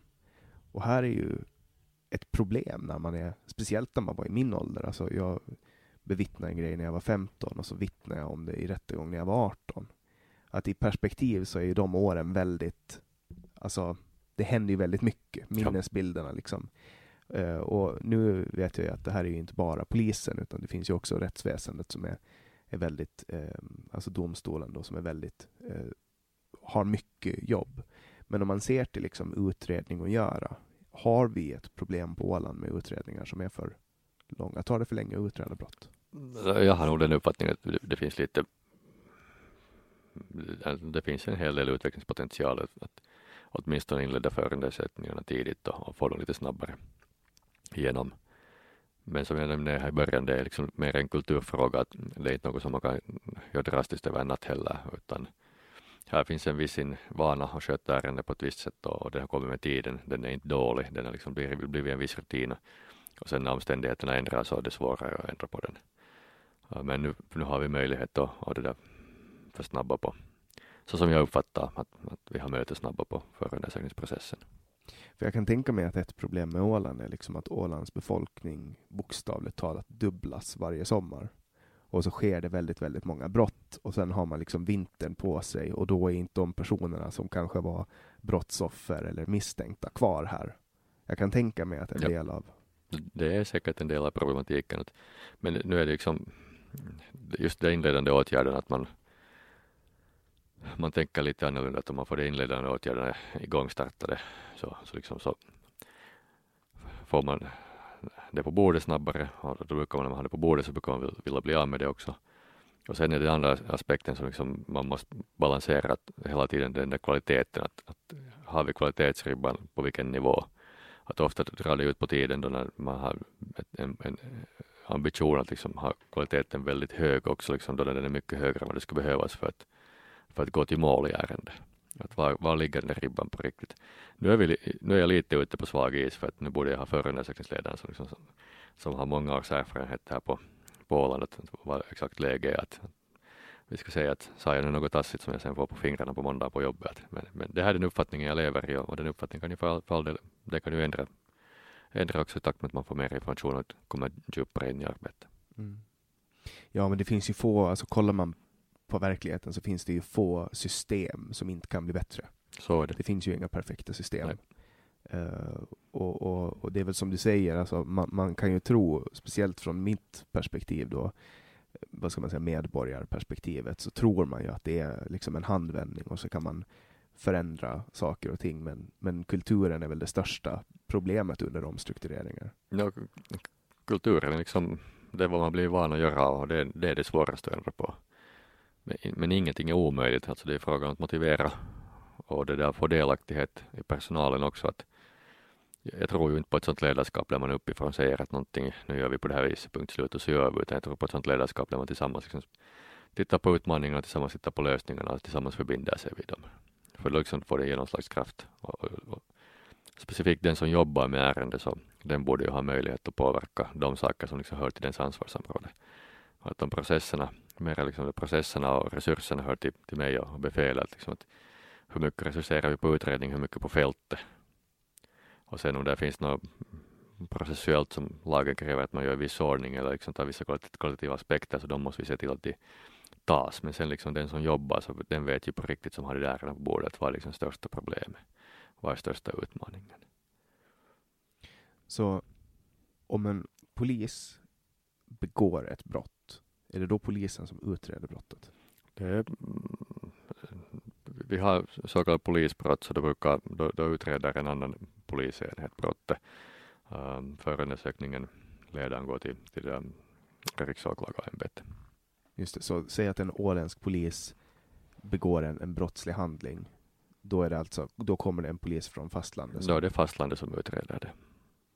Och, och det är just för att man inte ska få den här jävsituationen då? Det är just för att jävsituationen inte ska uppstå och det ska vara objektivt system och lika, lika behandling som vilken annan misstänkt som helst. Och om det här brottet sker under arbetstid? Om, om en polis begår ett brott under arbetstid? No, det beror lite på vad det är för brott. Att det, i många maktmedelssituationer där vi använder maktmedel så, så, så, så utreder man att polisen använt maktmedel. Har det varit befogat eller inte? Inte leder det ju det skedet ännu till någonting. Då utreder man har det varit befogat eller har det inte varit befogat. Men det görs per automatik? Man behöver inte anmäla polisen? Nej, det görs, det görs nog i det där maktmedelssituationen. Om man det liksom använder vapen så, så är det nog automatiskt. Det görs en anmälan. Och det där Sen är det lite hypotetiskt om en polis gör ett brott, om en polis kör över hastighet. Nå, inte, inte vad heter det, om uppdraget inte kräver det, kräver det, är det en brottsanmälan eller vanlig, någonting som man liksom disciplinärt tar internt. Det beror på omständigheterna.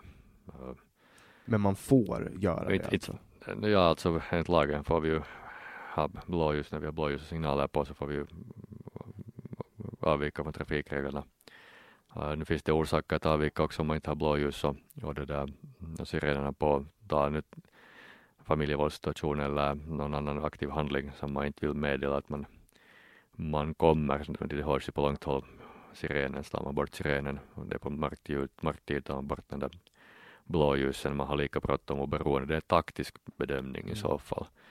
Ja, och där går det kanske ofta så att allmänheten tänker att nu bryter de på fritt, nu bryter de liksom mot lagen och gör som de vill. Men det finns de taktiska aspekterna hela tiden ska finnas där med. Och, och den tjänstemannen som tar beslutet ska kunna motivera det. Och sen måste man komma ihåg att de gör det där beslutet en bråkdel av en sekund att, att, att ska de eller ska de inte. Och då måste man nog långt utgår från att det är de enda som har utbildning och det är de enda som kan evaluera det. De har gjort rätt evaluering och sen om vi granskar situationen så och det uppstår, kommer fram något annat så då gör vi sen, han, då, då tar vi åtgärden inte det.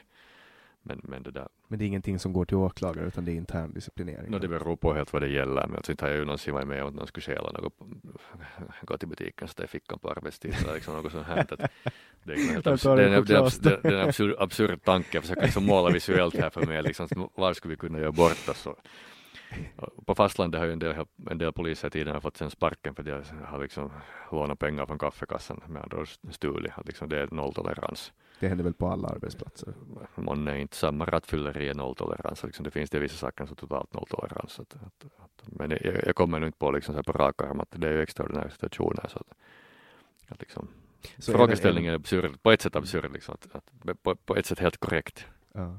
Men så även då en, en rattfylla, för att personer som kör rattfylla, de, de flesta som gör det har ju en sjukdom, alltså det är ju alkoholism. Finns det någon form av pardon för en polis som ska köra rattfull? Eller är det, blir man av med liksom var. Varje fall, fall behandlas är unikt och behandlas unikt, men liksom nu har jag inte behövt ta de besluten, men jag har kommit inte ihåg att det skulle vara så jättemycket. Det brukar nog vara liksom, grundregeln har varit att de har lett till, lett till det där att tjänsteförhållande avslutas det finns ju alltid möjligheter att liksom byta uppgifter, flytta till andra uppgifter. Sen finns det ju fall som på fastlandets sida där man haft en polistjänst och det har ändrats till en civiltjänst. Och polisrättigheten, skyldigheten har tagit slut och då liksom ändras nog också det vad man jobbar med totalt. Att, att det, där, det finns inte riktigt, man kan inte säga att det finns en patent, patentlösning. Mm. Men på det stora hela, det liksom, vissa grejerna har nog lett, om inte per automatik så liksom ganska långt till att att det har varit tack och adjö i det skedet. För det var ju en situation för inte så länge sedan där allmänheten började dreva mot polisen. Det var någon som hade tagit en bild på en polisbil som var parkerad på en handikappsparkering utanför kantarellen. Och där såg ju jag att där var ju en konstapel ute och kommunicera att, att uppdragets art hade varit sånt att man behövde göra det. Men ett stort problem för polisen är att man får ju inte prata om vad man gör.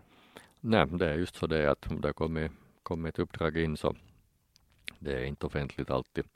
Det är ju andra problem vi har ibland i trafikolyckor eller den typen så att vi, vi är ju per lag skyldiga att hålla den personens integritet intakt. Och liksom det är inte så lätt. Nu kommer kanske den småskaligheten sen när alla känner alla, alla känner allas bilar och så vidare. Liksom att där är det svårare för polisen att liksom leva upp till det vad lagen säger.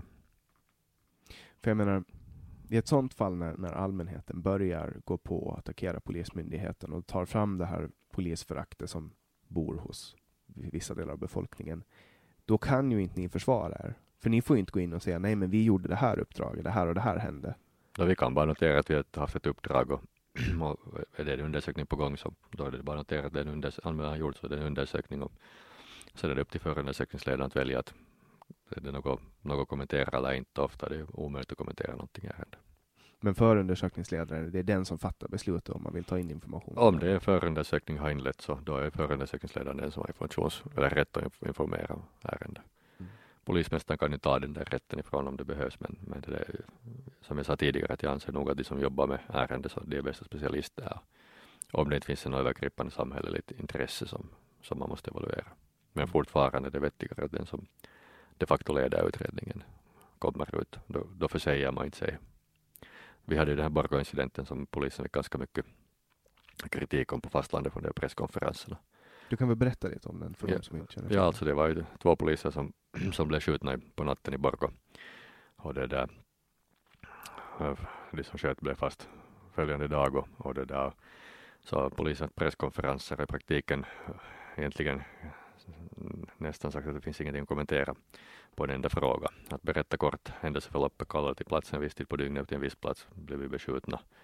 Och det därefter det sköter polisen förundersökning och gör vissa åtgärder och ville inte komma ut med signalement och ville inte berätta vad som görs som är taktiska saker som man inte, inte där gärna kommer ut med därför att sen så är det lättare nästa gång för någon annan att undvika att bli fast. Och det, där, det var ju väldigt mycket kritik på fastlandet, men det var förundersökningens ledare som tog alla de, de frågor. Det var ju centralkriminalpolisens chef var ordförande i presskonferensen och varenda fråga som hade operativ karaktär eller taktisk karaktär så gav han direkt till förundersökningsledaren som sen i det mesta sa att finns inte riktigt något att kommentera det här, eller vi väljer att inte kommentera det här skedet. Och, och det, jag representerar nog samma tanke att förundersökningsledaren så väljer det taktiska valen hur man försöker komma till, till mål med, med ärende. Och... Ja, sen vill man väl inte låta de misstänkta veta var man står? Nej, det, det är en del av det också. För jag menar, det alltså, jag har ofta tänkt på, på, på det under till exempel, det har ju varit ett bankrån här på Åland. Det var ju väldigt dramatiskt. Då, då följde man ju i tidningarna, så kunde man ju liksom rånarna kunde ju följa med ja. genom att köpa tidningar. Ja.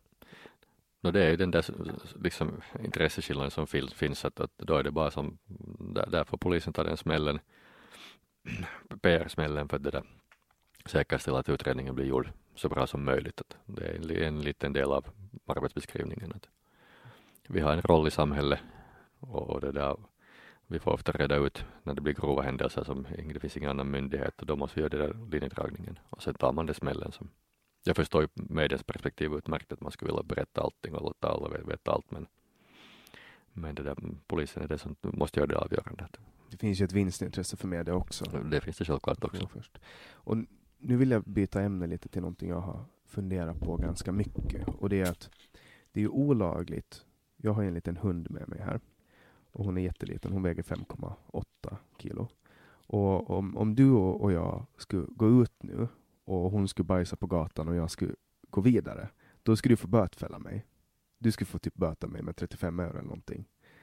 Men om din kollega samtidigt skulle komma ridande på en polis som skulle bajsa lika mycket som min hund är i volym, då skulle den polisen inte behöva plocka upp det. Du talar om alltså en polishäst? Exakt. Ja, ja. ja det här är en gammal sån där gammal grej som lyfts fram alltid nu och då. Det där jag kommer inte ihåg hur motiveringen gick.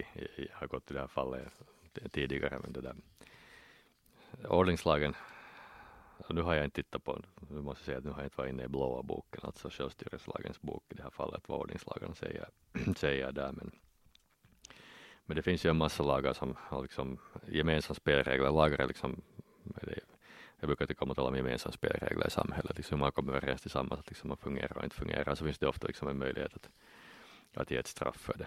Och, och en hel del av den där eh, juridiken är nu inte bara det att det ska bestraffas utan liksom det ska göra att individen kan handla enligt de gemensamma spelreglerna. Och i sista fall finns det sen möjlighet att, att ge den där böteslappen. Att, att det där. Men det finns ju också inom polislagen möjlighet till, till åtgärdseftergift och åtalsfördröjning och så vidare. Att liksom, det är ju lite att ha gemensamma principer och följa upp enligt dem. dem. Att inte kan man ju som inte sen tjänsteman liksom ta en strikt linje mot en tillämpning, lätt linje mot en annan vad gäller hunden. Att det, det skulle finnas liksom en universell princip där hur man fungerar. Om det inte sen finns andra viktigare ärenden som liksom, vi är ganska få patruller som man får bara lov att säga att ajabaja och där får vi dra iväg på nästa uppdrag. Men den där hästen, det, det är lite annan sak än den där hunden. Det är ett arbetsredskap i, i det skedet och, och, och inte det är liksom helt rationellt. Det en kommer släpper en stor, stor hög och det andra släpper en liten. För, för jag menar en narkotikahund, det är ju också ett arbetsredskap. Men om den bajsar, då plockar ju hundföraren upp det. Jag hoppas det gör det alla gånger. För jag menar, skillnaden är ju i volym så är det ganska stor skillnad. Ja. Så att säga. Ja. Eh, och, och, jag menar, en, en hästbajs kan ju utföra en, utgöra en fara. Nu, nu, har vi ju inte hästar här på Åland utan det var på Rockoff vi hade några hästar ja. lånet. Så att, att, är det här liksom en riktig händelse eller talar vi om en hypotetisk? En hypotetisk, jag menar det är ju inte, det är ju inte helt osannolikt att någon kommer vinglande i fyllan och halkar i en hästbajs liksom. De är ju ganska stora. Ja. Så att, men, men varför har man ridande poliser? Den där hästen, hästarna, det finns väl historiska orsaker till, till dem, men de har ju en funktion, fortfarande en taktisk, taktisk funktion, helt i operativa ärenden till, i de här äh, stora massor, vi har fotbollsmatcher eller annat, så hästen väcker ganska mycket respekt och, och hjälpa styra, styra, styra massorna vid behov. Och, och det, där, det är ganska mobila och röra på i sådana situationer då det är mycket människor och, och det, det kan vara hektiskt och, och det där, lite råddigt. Bilen är mycket svårare att snurra på i det skedet. Uh, de uppfyller helt enkelt en annan funktion. Sen har ju ett, ett, ett förutom det operativa och taktiska så hade jag ett bra PR-värde det, vi har lite utmaningar inom polisen. Vi är, är ju, sitter lite onödigt mycket i bilen i dagens läge. Vi är inte så lättillgängliga. Men polis på häst är tillgänglig på ett helt annat sätt. Och, och hästen är intressant. Det är samma med polishunden. Att om man har en polishund på en blåljusdag eller något annat så alla vill komma och krafsa hunden och tala. Sitter man i bil så tröskeln är jättehög. Och det är samma med det hästen. Det finns många som komma och tala om polishästar. Att det är en bra, det är en bra liksom öppning, öppning att få en dialog till stånd med, med befolkningen. Men rent operativt så har det en taktisk möjlighet som, som inte bilarna ger eller hundarna ger. Så man kommer lite högre upp också? Då man ser bättre och sen just det här liksom man kan styra, styra, styra människor större mängder på ett annat sätt. Kan man skjuta från hästen? Nu utgår jag ifrån att man kan skjuta men inte har jag någonsin sett en sån övning eller hört om mm. något sånt skulle hända. För jag tänker att, att hästar kan ju bli skrämda av skott. Måste de ju. Ja, det är det där, är hästar som finns inom polisen som som används regelbundet så de tränas ju, de tränas ju ganska mycket. Det är inte vilken häst som helst som är anpassningsbar till, till polisverksamhet. Sköter, sköter den som rider hästen också om den? Jag har förstått nog att, att, deltar i vardagliga arbete. Och det är samma som med hundarna då? Att...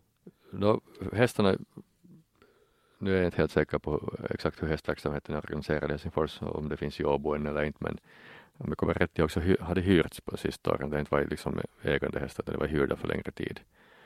Och det där, de har samma stall, samma stall och de, de hålls på hela tiden och, och det där, där det tränas regelbundet. En stor del av tiden är nog, en hel del tid sätts på att, att träna den där hästen. Det är inte frågan att hästen ska fungera ensam och klara av fungera i liksom tillställningar med mycket människor och hektiska tillställningar, stressade tillställningar, oljud och så vidare. De ska sen kunna fungera tillsammans i dem också. Att, att det är mycket, mycket, mycket tid går på träning där också. Men det finns en lång tradition i Finland med häst? Det finns det. För jag tycker att varje gång jag är i Helsingfors så ser jag redan poliser. Okej. Okay. Var i Helsingfors går du för att det ja, påverkar säkert? Då är det ju centrala Helsingfors såklart. Ja. Då ser du, då, då är du bättre tid ut än jag, för jag kommer inte ihåg att jag ska sätta dem på fritiden nästan ja. någonsin. Så. Ja, men det är bara en känsla jag har. Ja. Um, men det kan ju vara att jag bara, jag, och jag är väldigt sällan i Helsingfors för att tillägga.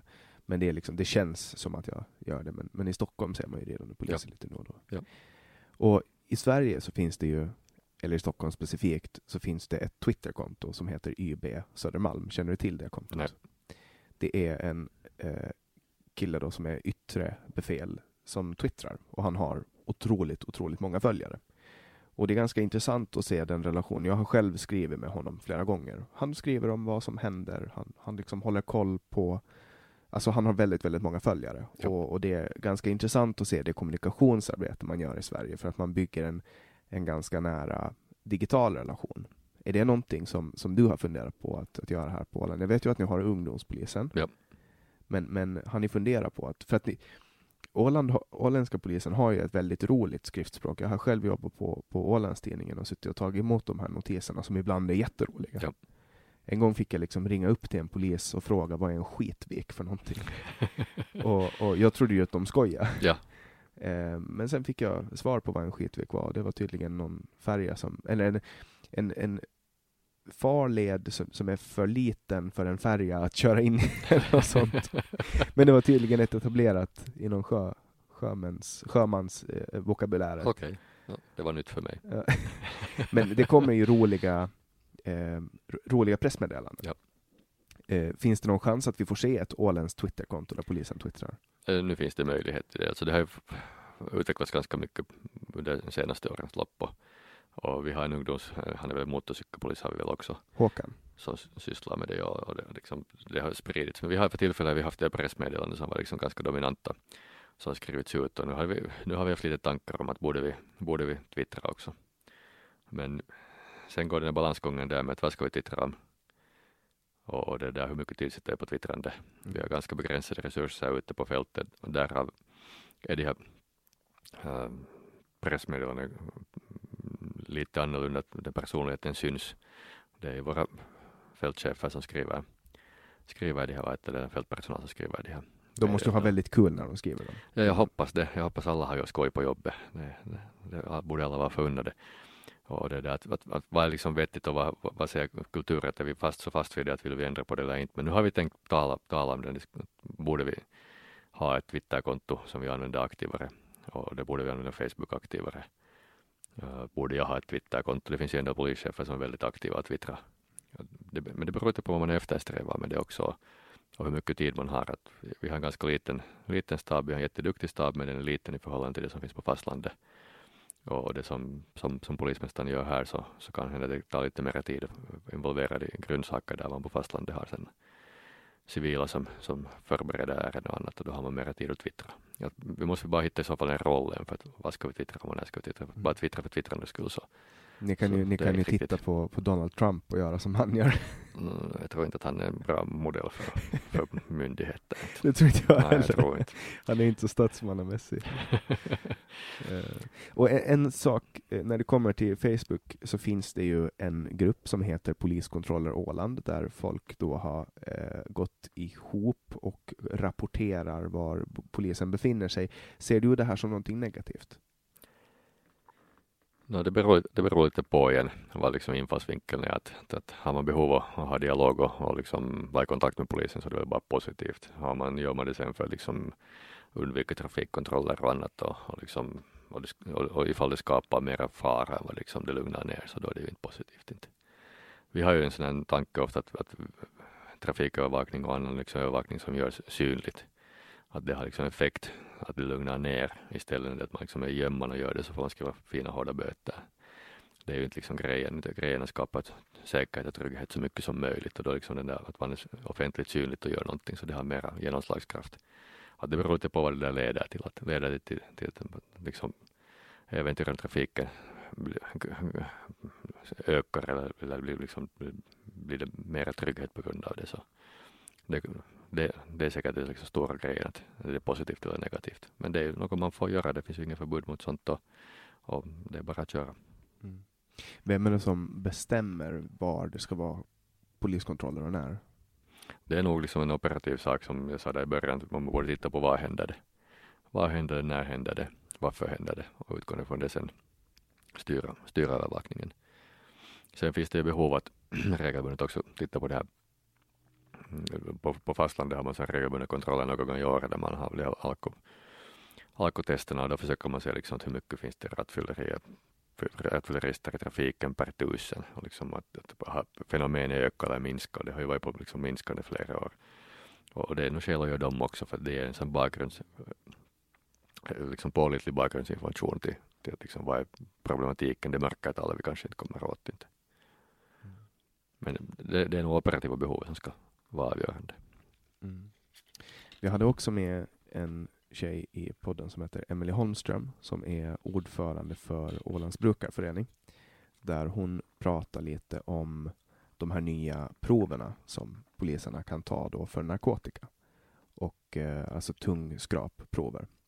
Och där framkom det att det har funnits enskilda fall, nu kan inte jag gå in närmare på det för jag vet inte riktigt, men att, att man då har brukat droger vid ett visst tillfälle och sen när drogerna har varit ur kroppen och effekten avtagit ändå indikera på det här skraptestet att man har haft droger i kroppen och då fått reprimander i form av att körkort har dragits in. Hur, hur ser du på den saken? Ser du det som ett problem att, att det kan hända?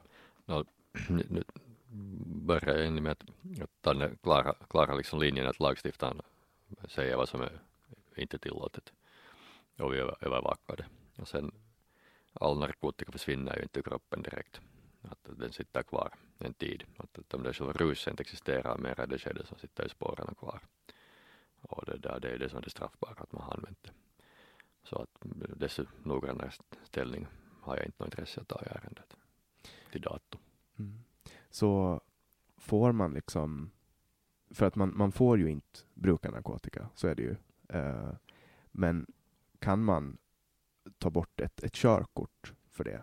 No, det finns ett regelverk när man, när man kan ta bort körkortet och, och blir man fast för, för att, att köra narkotikapåverkad så finns det möjligheten. Mm. Och, så det är ju för allmänhetens säkerhet och trygghet. Så, så det är samma sak som med alkohol och rattfylleri i, i det där i trafiken. Mm. Och när ni gör de här nu kommer det mycket sådana här operativa poliser för jag tror att många är intresserade av det och jag är också intresserad av det. För till exempel när man, eh, när man möter en polisbil så kan man ju se att det finns ganska mycket utrustning där fram. Har ni dashcams på bilarna, att ni kan liksom se de trafikhändelser, alltså när en bil kör, filmar ni då själva det polisbilen gör? Det där nu måste jag säga, nu måste, nu, nu måste jag säga som vi sa att, att jag vet exakt vad som finns i polisbilarna på fastlandet men nu har, nu, en del av de sakerna finns inte här på Åland men vad som, vad som inte finns här så det är jag inte helt säker på. Uh, och sen det vad jag vet att det inte finns så det tänker jag inte säga högt för det är en taktisk fråga. Men det finns en hel del utrustning och det, det, det alla uppfyller ett behov. Mm.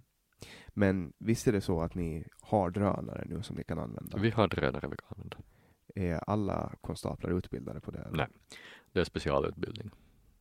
Är det specialdrönare ni har eller är det kommersiella?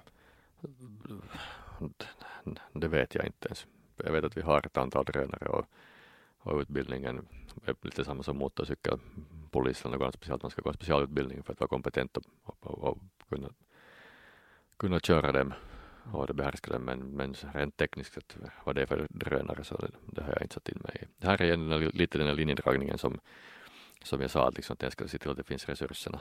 Ja. Att det finns polis, polisen har vissa drönare som, som man har tittat är lämpliga. Och det där, jag har inte gjort nu de anskaffningsbesluten men, men om jag ska ha varit den som ska gjort dem så är inte den tekniska inte intressanta mm. för polismästaren. Det taktiska är att vad är det för liksom, taktisk nytta, vad får vi för effekt av att om vi skaffar dem, att om vi använder investera sig så mycket av vår budget i den, att vad får vi för nytta utav det? Det är det där intressanta, att den tekniska grejen, så det är mer de som sysslar med det sen som är nyfikna på den. Att det kommer ni att få dåligt svar här med under, under, i framtiden också, för att det, det tekniska liksom sitter inte mm. liksom mitt, min arbetsbeskrivning och jag är inte så intresserad av den där enstaka grejen, utan jag är intresserad, intresserad att om och när vi skaffar utrustning, vad är det för liksom verksamheten, för helhetsnytta? För det här är ju liksom, det har ju hänt saker tekniskt de, de senaste fyra, fem åren. Alltså det har gått fram så snabbt så att man, man kanske inte hinner uppdatera regelverken om man ser så. För jag menar, en drönare till exempel så kan ju en patrull skicka upp och det tar tre minuter att få upp den i luften. Och så kan man liksom, man kan följa efter en bil, man kan kolla på en skogsbrand, man kan eh, titta på ställen som annars skulle vara farliga. Alltså man låser ju upp eh, jättemycket. Mm. Tycker du att, att Polismyndigheten är eh, alltså när det kommer till att utvecklas på den tekniska biten, är man tillräckligt snabb på att uppdatera utrustning då? Mm, liksom vi talar om Åland eller polisförvaltningen överlag så vi är ju alltid lite efter, efter liksom utvecklingen. Och, och det har ju att göra med en delvis med det ICT-kraven som är ganska starka, alltså med säkerheten. Och så testas det en hel del, att vad är lämpligt för oss och vad är inte lämpligt. Och, och, liksom, och det görs ganska noggrant rigorösa tester och evalueringar att vad vi har för nytta och vad har vi inte för nytta. För att sen om det tas in så det som dronerna så det har leder ju sen det har lett till, till anskaffning och så leder det automatiskt till skolningsprogram. Och så leder det till bortfall från vanliga verksamheten som ska täckas upp någon annanstans ifrån. Uh, om den där skolningen så att den ska licensieras med jämna mellanrum så liksom ska den täcka upp på nytt. Uh, sen finns det behovet lite olika. Vi har olika sorters droner för lite olika behov. Men vi har, den, den ger ju en, en fantastisk nytta nog. Mm. Det gör den. Så att liksom det no, nu tappar jag frågan. Mm. Nej, det är mer den här tekniska, tekniska biten ja. som jag... Det blir alltid lite sena, men vi kommer nog, liksom det som evalueras behövs så det skaffas nog. Och, och, till exempel då med båtar, nu har ju ni brott som begås ute i skärgården får ni väl handräckning från sjöbevakningen? Från gränsbevakningen, från gränsbevakningen. Och, men, men ni har en polisbåt, har jag förstått det rätt? Mm, då vet du mer än jag. Jag lever nog i den uppfattningen att vi huvudsakligen använder gränsens. Nu, ja. kan det ju hända att jag har, nu kan det ju hända att jag har fel för att det där, men jag, har, jag sitter där på Elverksgatan och så går jag på Strandvägen regelbundet och sådär och jag har inte sett eller hört att vi skulle ja, ha en okay. båt och jag har inte gått igenom inventarier heller. så, så det, det, kan vara, det, kan vara, jag som är ute och cyklar också, men om ni behöver göra en till exempel en utredning ute på en, på en ö, då, då får ni handräckning av? Vi får handräckning av gränsbevakningen. Men de, de får liksom inte utföra utredning, göra utredningar åt er? Eh, det finns, det finns möjligheter alltså, det finns ett regelverk på det där också, att, att på begäran av polisen så kan de göra att polisen. Just det. Och, och, är de polisutbildade? Har de liksom den utbildningen att de vet hur de ska utföra de uppgifterna? Gränsbevakningen sköter ju en hel del egen utredning och de följer samma principer nog. Att om man tittar på lagstiftningen så är det väldigt nära varandra i många ärenden och, och det betyder att utbildningen också är väldigt nära. Och det där, de har kapacitet och förmåga att sköta förundersökning. För, för det har jag noterat att vi högsäsong så ser man ganska mycket gränsbevakningsväsende ja. eh, ute. Men de har alltså samma befogenheter som en polis? Uh, de kan ha, inte per automatik, vi har ju olika kärnuppgifter. Men det, där, det finns ju mycket där vi liksom sammanfaller. Vi har, vi har ett väldigt eh, välfungerande och bra samarbete med dem. Och det där lagverk, lagrummet ger ju möjligheter till, till det mesta. Mm. Och när det kommer till till exempel besök från republikens president, är polismyndigheten här då på något sätt ansvarig för säkerhet eller är det helt republikens presidents säkerhetsstab som sköter det? No, mycket kommer långt kommer liksom från no, det beror på om det är presidenten specifikt eller om det är någon annan så det finns ju eh, en hel del för, för förhandsplaner som liksom kommer där det finns vissa liksom mm, kutymer som är inbyggda och resurser som är inbyggda och så vidare. Sen så tar man här egna planer hur det förverkligas rent praktiskt. Och, och det där, ju högre dignitär så desto liksom mera kommer det. Och i juli så hade inte du börjat här ännu, men då ställdes ju Åland inför den unika situationen att Förenta Staternas före detta president Bill Clinton kom på besök. Eh, hade man då samarbete med Secret Service från polisens sida här? Mm, nu känner jag inte exakt till hur det gjorts. Han hade ju Secret Service med sig som alla, alla de där amerikanska presidenter, de pensionerade eller inte. Och sen har vi ju vid behov hjälp från fastlandet också med planeringen. Att polisarbete och så mycket myndighetsarbete också är det i fråga om samarbete väldigt mycket. Att jag utgår ifrån att, att det, där, det fanns klara tydliga önskemål och det där riktlinjer från hans sida vad de önskar, vad de vill och det där. Och i huvudsakligen så finns det ju inga orsaker att avvika från dem om, så länge de är liksom rationella och passar in i egen, egen verksamhetsmiljö. Skickar ni en räkning till dem? Helt säkert på att han, han, behöver, man behöver inte skicka en räkning på hans egen Secret Service, det är nog skattebetalt. Uh, inte skickar vi ju räkningar heller när republikens president kommer eller andra kommer. Jag tänker till USA, för att det är ju ändå USAs skattepengar som ska gå till hans säkerhet. Ja, men det har vi ju ingenting att göra med. Vi, vi omändrar vår verksamhet och anpassar verksamheten så att vi kan trygga det som det, det som är på gång och liksom, de resurserna har vi oberoende. Mm. Att det var ju inte fråga om, no, nu, nu kan jag inte alla detaljer där men, men det där, vi måste ta in, är dyrt också. Ja. Inte skickar vi några extra räkningar för det heller. Ja, en del fotbollsmatcher är dyra. Det ökar ju också intäkterna om man ja. ser det så. så det finns en, när det gäller förvaltningssidan, så där finns liksom kostnadsbelagda uppgifter nog. Men, men inte, mig veterligen hade de skickat så fanns det ingen orsak att skicka räkningar. Mm. Finns det någonting som, som du önskar att polisen kunde göra som ni inte får göra? No, vi har nog i Finland och i Norden överlag, men Finland och, och, och, och Åland nog också, liksom en väldigt bra dialog med lagstiftaren. Att jag har sagt tidigare, liksom, det är alltid en balansgång när det gäller såväl resurser som, som liksom lagstiftning. Att det är självklart att vi har, vi har önskemål som inte kanske alltid uppfylls. Men det är en balans och, och där är liksom folkvalda gör valet. Att hur långt får vi, hur långt får vi inte. Och, och det där är ett typexempel som, där vi kanske liksom har annan, annan uppfattning och kanske skulle önska lite längre så det finns ju vissa register och DNA skulle vara liksom, om man nu tar DNA på, på folk och, och det där fingeravtryck och så vidare. Att liksom hur mycket får vi använda, hur mycket får vi inte använda? För att vi, vi förställs det ju alltid det emot att om vi nu har ett våldsbrott eller en våldtäkt eller ett mord eller någonting, liksom det finns någon slags bevismaterial. Så det skulle vara jättelätt om man går in i en DNA-bank. Bankträff sjönk. Men nu finns förstår jag utmärkt den där liksom balansgången att, att hur ser det ut sen i ett totalitärt samhälle där används det helt fel. Och, och, och det där inte lätta frågor. Så länge dialogen är liksom öppen och transparent med lagstiftaren så, så uppfattar jag liksom att polisen har en väldigt bra situation. För just när det kommer till DNA och upprättande av allmänna databaser för det, det så finns ju också eh, det faktum att det är ganska lätt att placera DNA på någon. Alltså att eh, på det sättet då sätta dit någon för ett brott. Ja. Eh, men, men idag så förs väl fingeravtryck in bara när man tar körkort, eller? begår ett brott? No, fingeravtryck ger man när man tar passet. Ja, passet. Det, så det där, men det finns begränsningar på användningen. Och det där. Men DNA skulle man tekniskt sett nog kunna, liksom inte det är svårt att plantera. Man tar någon som röker och tar fimpen och sätter den någonstans så då har man DNA. Alltså tydligt stämmer det, men som jag sa här om förundersökning tidigare, att förundersökning går ju inte ut på att bara titta på faktorer som binder en misstänkt, lika viktigt att titta på faktorer som inte binder en misstänkt eller frigör den. Att utgångsläget man har en misstänkt så inte det är liksom alltid så att det är den som det var. Det, världen är inte så svartvit. Mm. För kraven är ju ganska höga på teknisk bevisning. Ja, det ska det gärna vara. Liksom, det är nog en rättssäkerhetsfråga.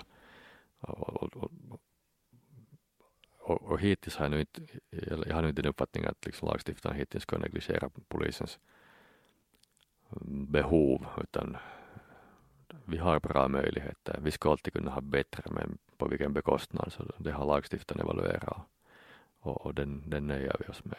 Mm. Vi tar sen nu motiverar nästa gång när det finns behov eller motiverar ifall liksom det kommer klara oegentligheter som borde åtgärdas. Att, att så länge den dialogen liksom är, är klar, öppen och tydlig och liksom ingendera part har, har problem att gå den dialogen. Att, om det uppstår nya problem så måste vi få till lagstiftande till kännedom att här är sådana utmaningar, att vad finns det för möjligheter? Men balansgången görs nog sen där på författningsnivå. Mm. Tror du att det skulle vara behjälpligt om ni hade, eller jag ställer om frågan, um, finns det många brott som du ser att det finns DNA till en gärningsman, men ni har ingen möjlighet att spåra den DNA? Mm, inte, inte skulle jag säga på det viset. Vi talar, vi talar om liksom i grova brott där, där liksom det ofta, ofta finns de möjligheter. Men jag, som jag sa tidigare, liksom, vi, polisen har en ganska bra situation nog. Att det finns ingenting som, på raken som nu skulle sticka ut som vi absolut skulle behöva. Det är nog mer liksom en lagstiftningsgrej för tillfället, kanske lite mer utrustning och kapacitet och, och det där utrustningen går ju framåt jätte, jättekraftigt och, och det där utvecklas snabbt och, och den ger åt oss taktisk förmåga, kapacitet att liksom bli bättre. Det är mer, jag har mer liksom, nu på Ålands polismyndighet så är jag mer liksom nog oro över att det finns en viss utrustning vi skulle behöva. Vad är det för utrustning ni behöver? No, vi har liksom polisiär mm, maktmedelssidan har små saker som skulle behövas, fordonssidan har små saker som skulle behövas. Mm, vi har lite gamla ICT-system som skulle borde uppdateras i något skede och, och så att det är liksom grundstrukturen men världen går framåt, omvärlden förändras och, och det där vi skulle behöva uppdatera vissa saker. Men det är en del av liksom normala budgeteringsprocesser och normala utvecklingsprocesser. Att där finns ingenting sånt som, liksom är, som skulle liksom överraska, hoppeligen som skulle överraska någon på något sätt. Har du satt in det i budgeten? Vi har, vi har i år har vi gått igenom de behoven vi har för i år och, det där, och vi, vi har gjort balans, balansgång från myndighetens sida att vad som liksom vi anser att vi behöver och vad vi klarar oss utan så har vi inte satt med. Inte. Och sen så tittar vi nästa år på nytt att vad är läget nästa år. Mm. Och där har ju absolut ingenting att liksom vara negativ till. Att, att dialogen har varit bra, tydlig och klar. Och, och, och liksom, såväl landskapsregeringen som med polisstyrelsen. Jag är jättenöjd. Mm. Så om den här tjänsten nu, den är på ett år ja. och Maria Hoikkila är på tjänstledigt. Ja. Hon ska utbilda sig eller vad? Nej, hon sköter en polisöverinspektörstjänst på polisstyrelsen på fastlandet. Okej. Okay. Och om, om det bara blir ett år, vad, vad gör du sen? No, I så fall återvänder jag till, till polisstyrelsen och fortsätter med fältledningsprojektet. Alltså jag är projektdirektör. Jag är tjänsteledig för en projektdirektörstjänst på, på polisstyrelsen med ett fältledningssystem som andra generationens fältledningssystem som är för sju myndigheter. Där är alltså polisen, gränsen, tullen, armén, socialvården, hälsovården och räddningsverksamheten som tanken att ett gemensamt lägesbild och det där fältledningsverktyg som en sån i sådana situationer där man behöver koppla, där det är många myndigheter och platser kopplar man upp en gemensam situationsbild.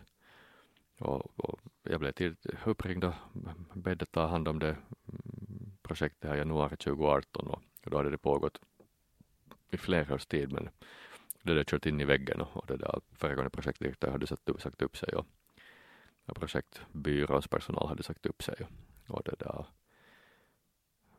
Kollegorna sa att du är inte klok när du tar det men, men det där är lite som jag sa tidigare att man, det rings ju liksom på nytt om man inte heller vågar ta det där hugga tag i svåra saker och, och det tog åtta månader att få det i skick. Mm. Och det var frågan om kommunikation och tillit i mångt och mycket. Och det jobbet sker på finska eller? Det sker på finska. Och du kan utöva yrket både på finska och svenska antar jag?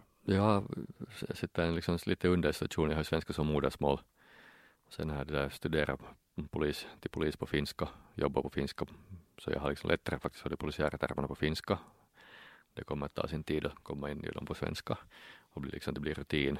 Sen har jag det där jobbat utomlands på engelska, gått internationellt gymnasium, skrivit studenten på engelska och det där. Så jag brukar säga att jag har flytande tre språk men ingenting kan det perfekt. Kan du något annat språk utöver det, spanska eller tyska? Ja, turistiska. turistiska. Jag kan beställa mat och öl. Ja. Ja, och, fråga, och, fråga, vägen liksom. Och lite samma i Spanien om man behöver, så kom klarar jag mig där också. Men... Det är väl så länge man kan beställa mat och öl så.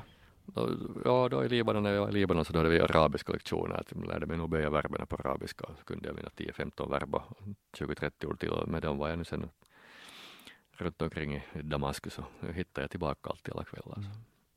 Så du har en, eh, en eh, personlig bild av Mellanöstern-konflikterna? Ja, jag har nog ja. Och det är, det är liksom, jag, jag stortrivdes i Libanon och Mellanöstern är liksom det är ett fantastiskt område. Och det är fruktansvärt sorgligt att se hur civila lider där. Mm. Tror du att det är USAs fel att det är så?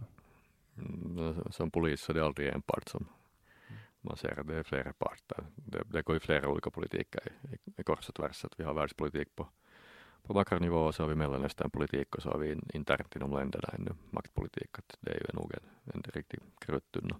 Mm. Mm. Och nu har vi pratat i en timme och 40 minuter. Är det någonting som du känner att du vill lyfta upp här? Prata om med det åländska folket? Nej, inte egentligen. Jag, jag har sagt att det där när jag varit, varit och träffat landskapsregeringen och varit och träffat andra myndigheter och så att, liksom att jag eh, har bett hjälp i en sak och det är det att när alla vet hur jag ser ut och jag inte vet hur någon ser ut så man får gärna säga hej och, och det är därför att det tar sin tid att lära känna alla och, det där. Sen så sakta och säkert här på höstens lopp när det är hobbyn och, hobbyn och annat så man får gärna komma och säga hej att, att det, det är liksom fritt fram. Så man kommer att se dig spankulera runt i en välstruken kostym? Nej, jag, jag, Nej men eh, uniformen? uniform på, på arbetstid, arbetstid, arbetstid och på fritiden så sen så är jag i fritidskläder. Mm. Och det där, jag är ganska mobil så vi är i Mariehamn en del och, och det där, vi har varit och bekantat oss med Geta och Getabergen och varit Eckerö en hel del så nu borde man ta Lemland och, och det där Lumpaland i något skede. Och jag har en sån erfarenhet att i början orkar man vara mobil och liksom vara jättenyfiken och gå och bekanta sig med allting och så ungefär vid ett års tid så sen kommer rutinerna in och sen liksom har man inte antennerna utåt. Så vi rör på oss ganska mycket för tillfället. Ja, och det är ju också att Åland har ju två tidningar och en radio. Ja. Och det är ju ganska unikt det också, alltså ur mediebevakningsperspektiv. Ja. Så har man ju många ögon på sig. Och sen finns det ju alternativa medier som den här. Ja. eh, så det kommer ju, tror jag, att finnas ett ganska stort intresse för, för ditt arbete och förhoppningsvis så kommer många att komma fram till dig och skaka hand och, och önska dig välkommen. Ja, det får man gärna göra. Och sen måste jag liksom ändå avsluta med att man ska komma ihåg att myndigheten kumulerar inte liksom polismästaren, utan det riktiga jobbet görs där ute. Det där äldrekonstaplarna och det där överkonstaplarna och kommissarierna, det är de som gör liksom det säkerhetsjobbet, tryggheten. Jag skapar bara, försöker skapa ramarna att de har resurser och, och möjlighet att göra sitt jobb så gott som de kan. Så, så att när det går bra så det är de som förtjänar tack och när det går dåligt så, så, så är det nog jag sen som ska titta i spegeln att vad kan vi göra åt annorlunda håll. Att då är arbetsfördelningen liksom, rätt. Mm. Perfekt. Och med det tackar vi Johan Pavli. Tack för att du kom hit. Vi Tack. önskar dig en, en god fortsättning på det här första året. Förhoppningsvis av det första av många. Det hoppas jag också. Tack så mycket. Och till er som lyssnar tackar vi er för att ni har följt med oss genom ytterligare ett avsnitt av Säg vad du vill Åland. Om ni tycker om det vi gör så får ni gärna gå in på vår hemsida www.samtal.ax. Där kan ni tipsa om gäster och där hittar ni också alla tidigare avsnitt. Vi rekommenderar att ni lyssnar på den här podden i appen Acast eftersom det är enligt min subjektiva åsikt den bästa. Därför att den helt enkelt är mest användarvänlig enligt mig. Eh, och ni hittar en länk på hemsidan dit. Ni får gärna prenumerera på våra nyhetsbrev som kommer ut varje vecka när vi kommer med nya gäster. Producent för det här avsnittet var Didrik Svan. Jag heter Jannik Svensson. Du har lyssnat på Säg vad du vill Åland.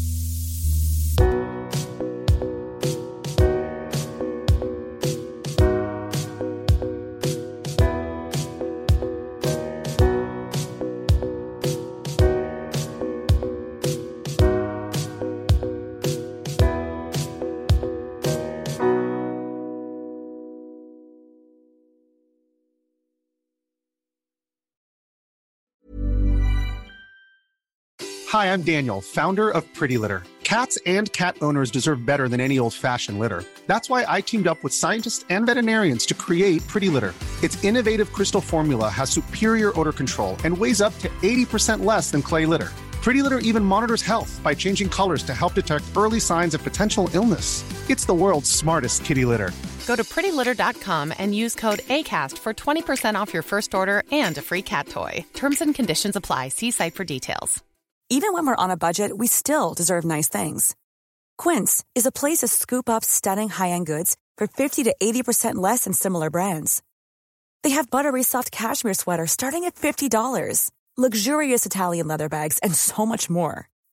Plus, Quince only works with factories that use safe, ethical, and responsible manufacturing. Get the high-end goods you'll love without the high price tag with Quince. Go to quince.com slash style for free shipping and 365-day returns. Hey, it's Paige DeSorbo from Giggly Squad. High quality fashion without the price tag. Say hello to Quince. I'm snagging high-end essentials like cozy cashmere sweaters, sleek leather jackets, fine jewelry, and so much more. With Quince being 50 to 80% less than similar brands. And they partner with factories that prioritize safe, ethical, and responsible manufacturing. I love that. Luxury quality within reach. Go to quince.com slash style to get free shipping and 365 day returns on your next order. Quince.com slash style.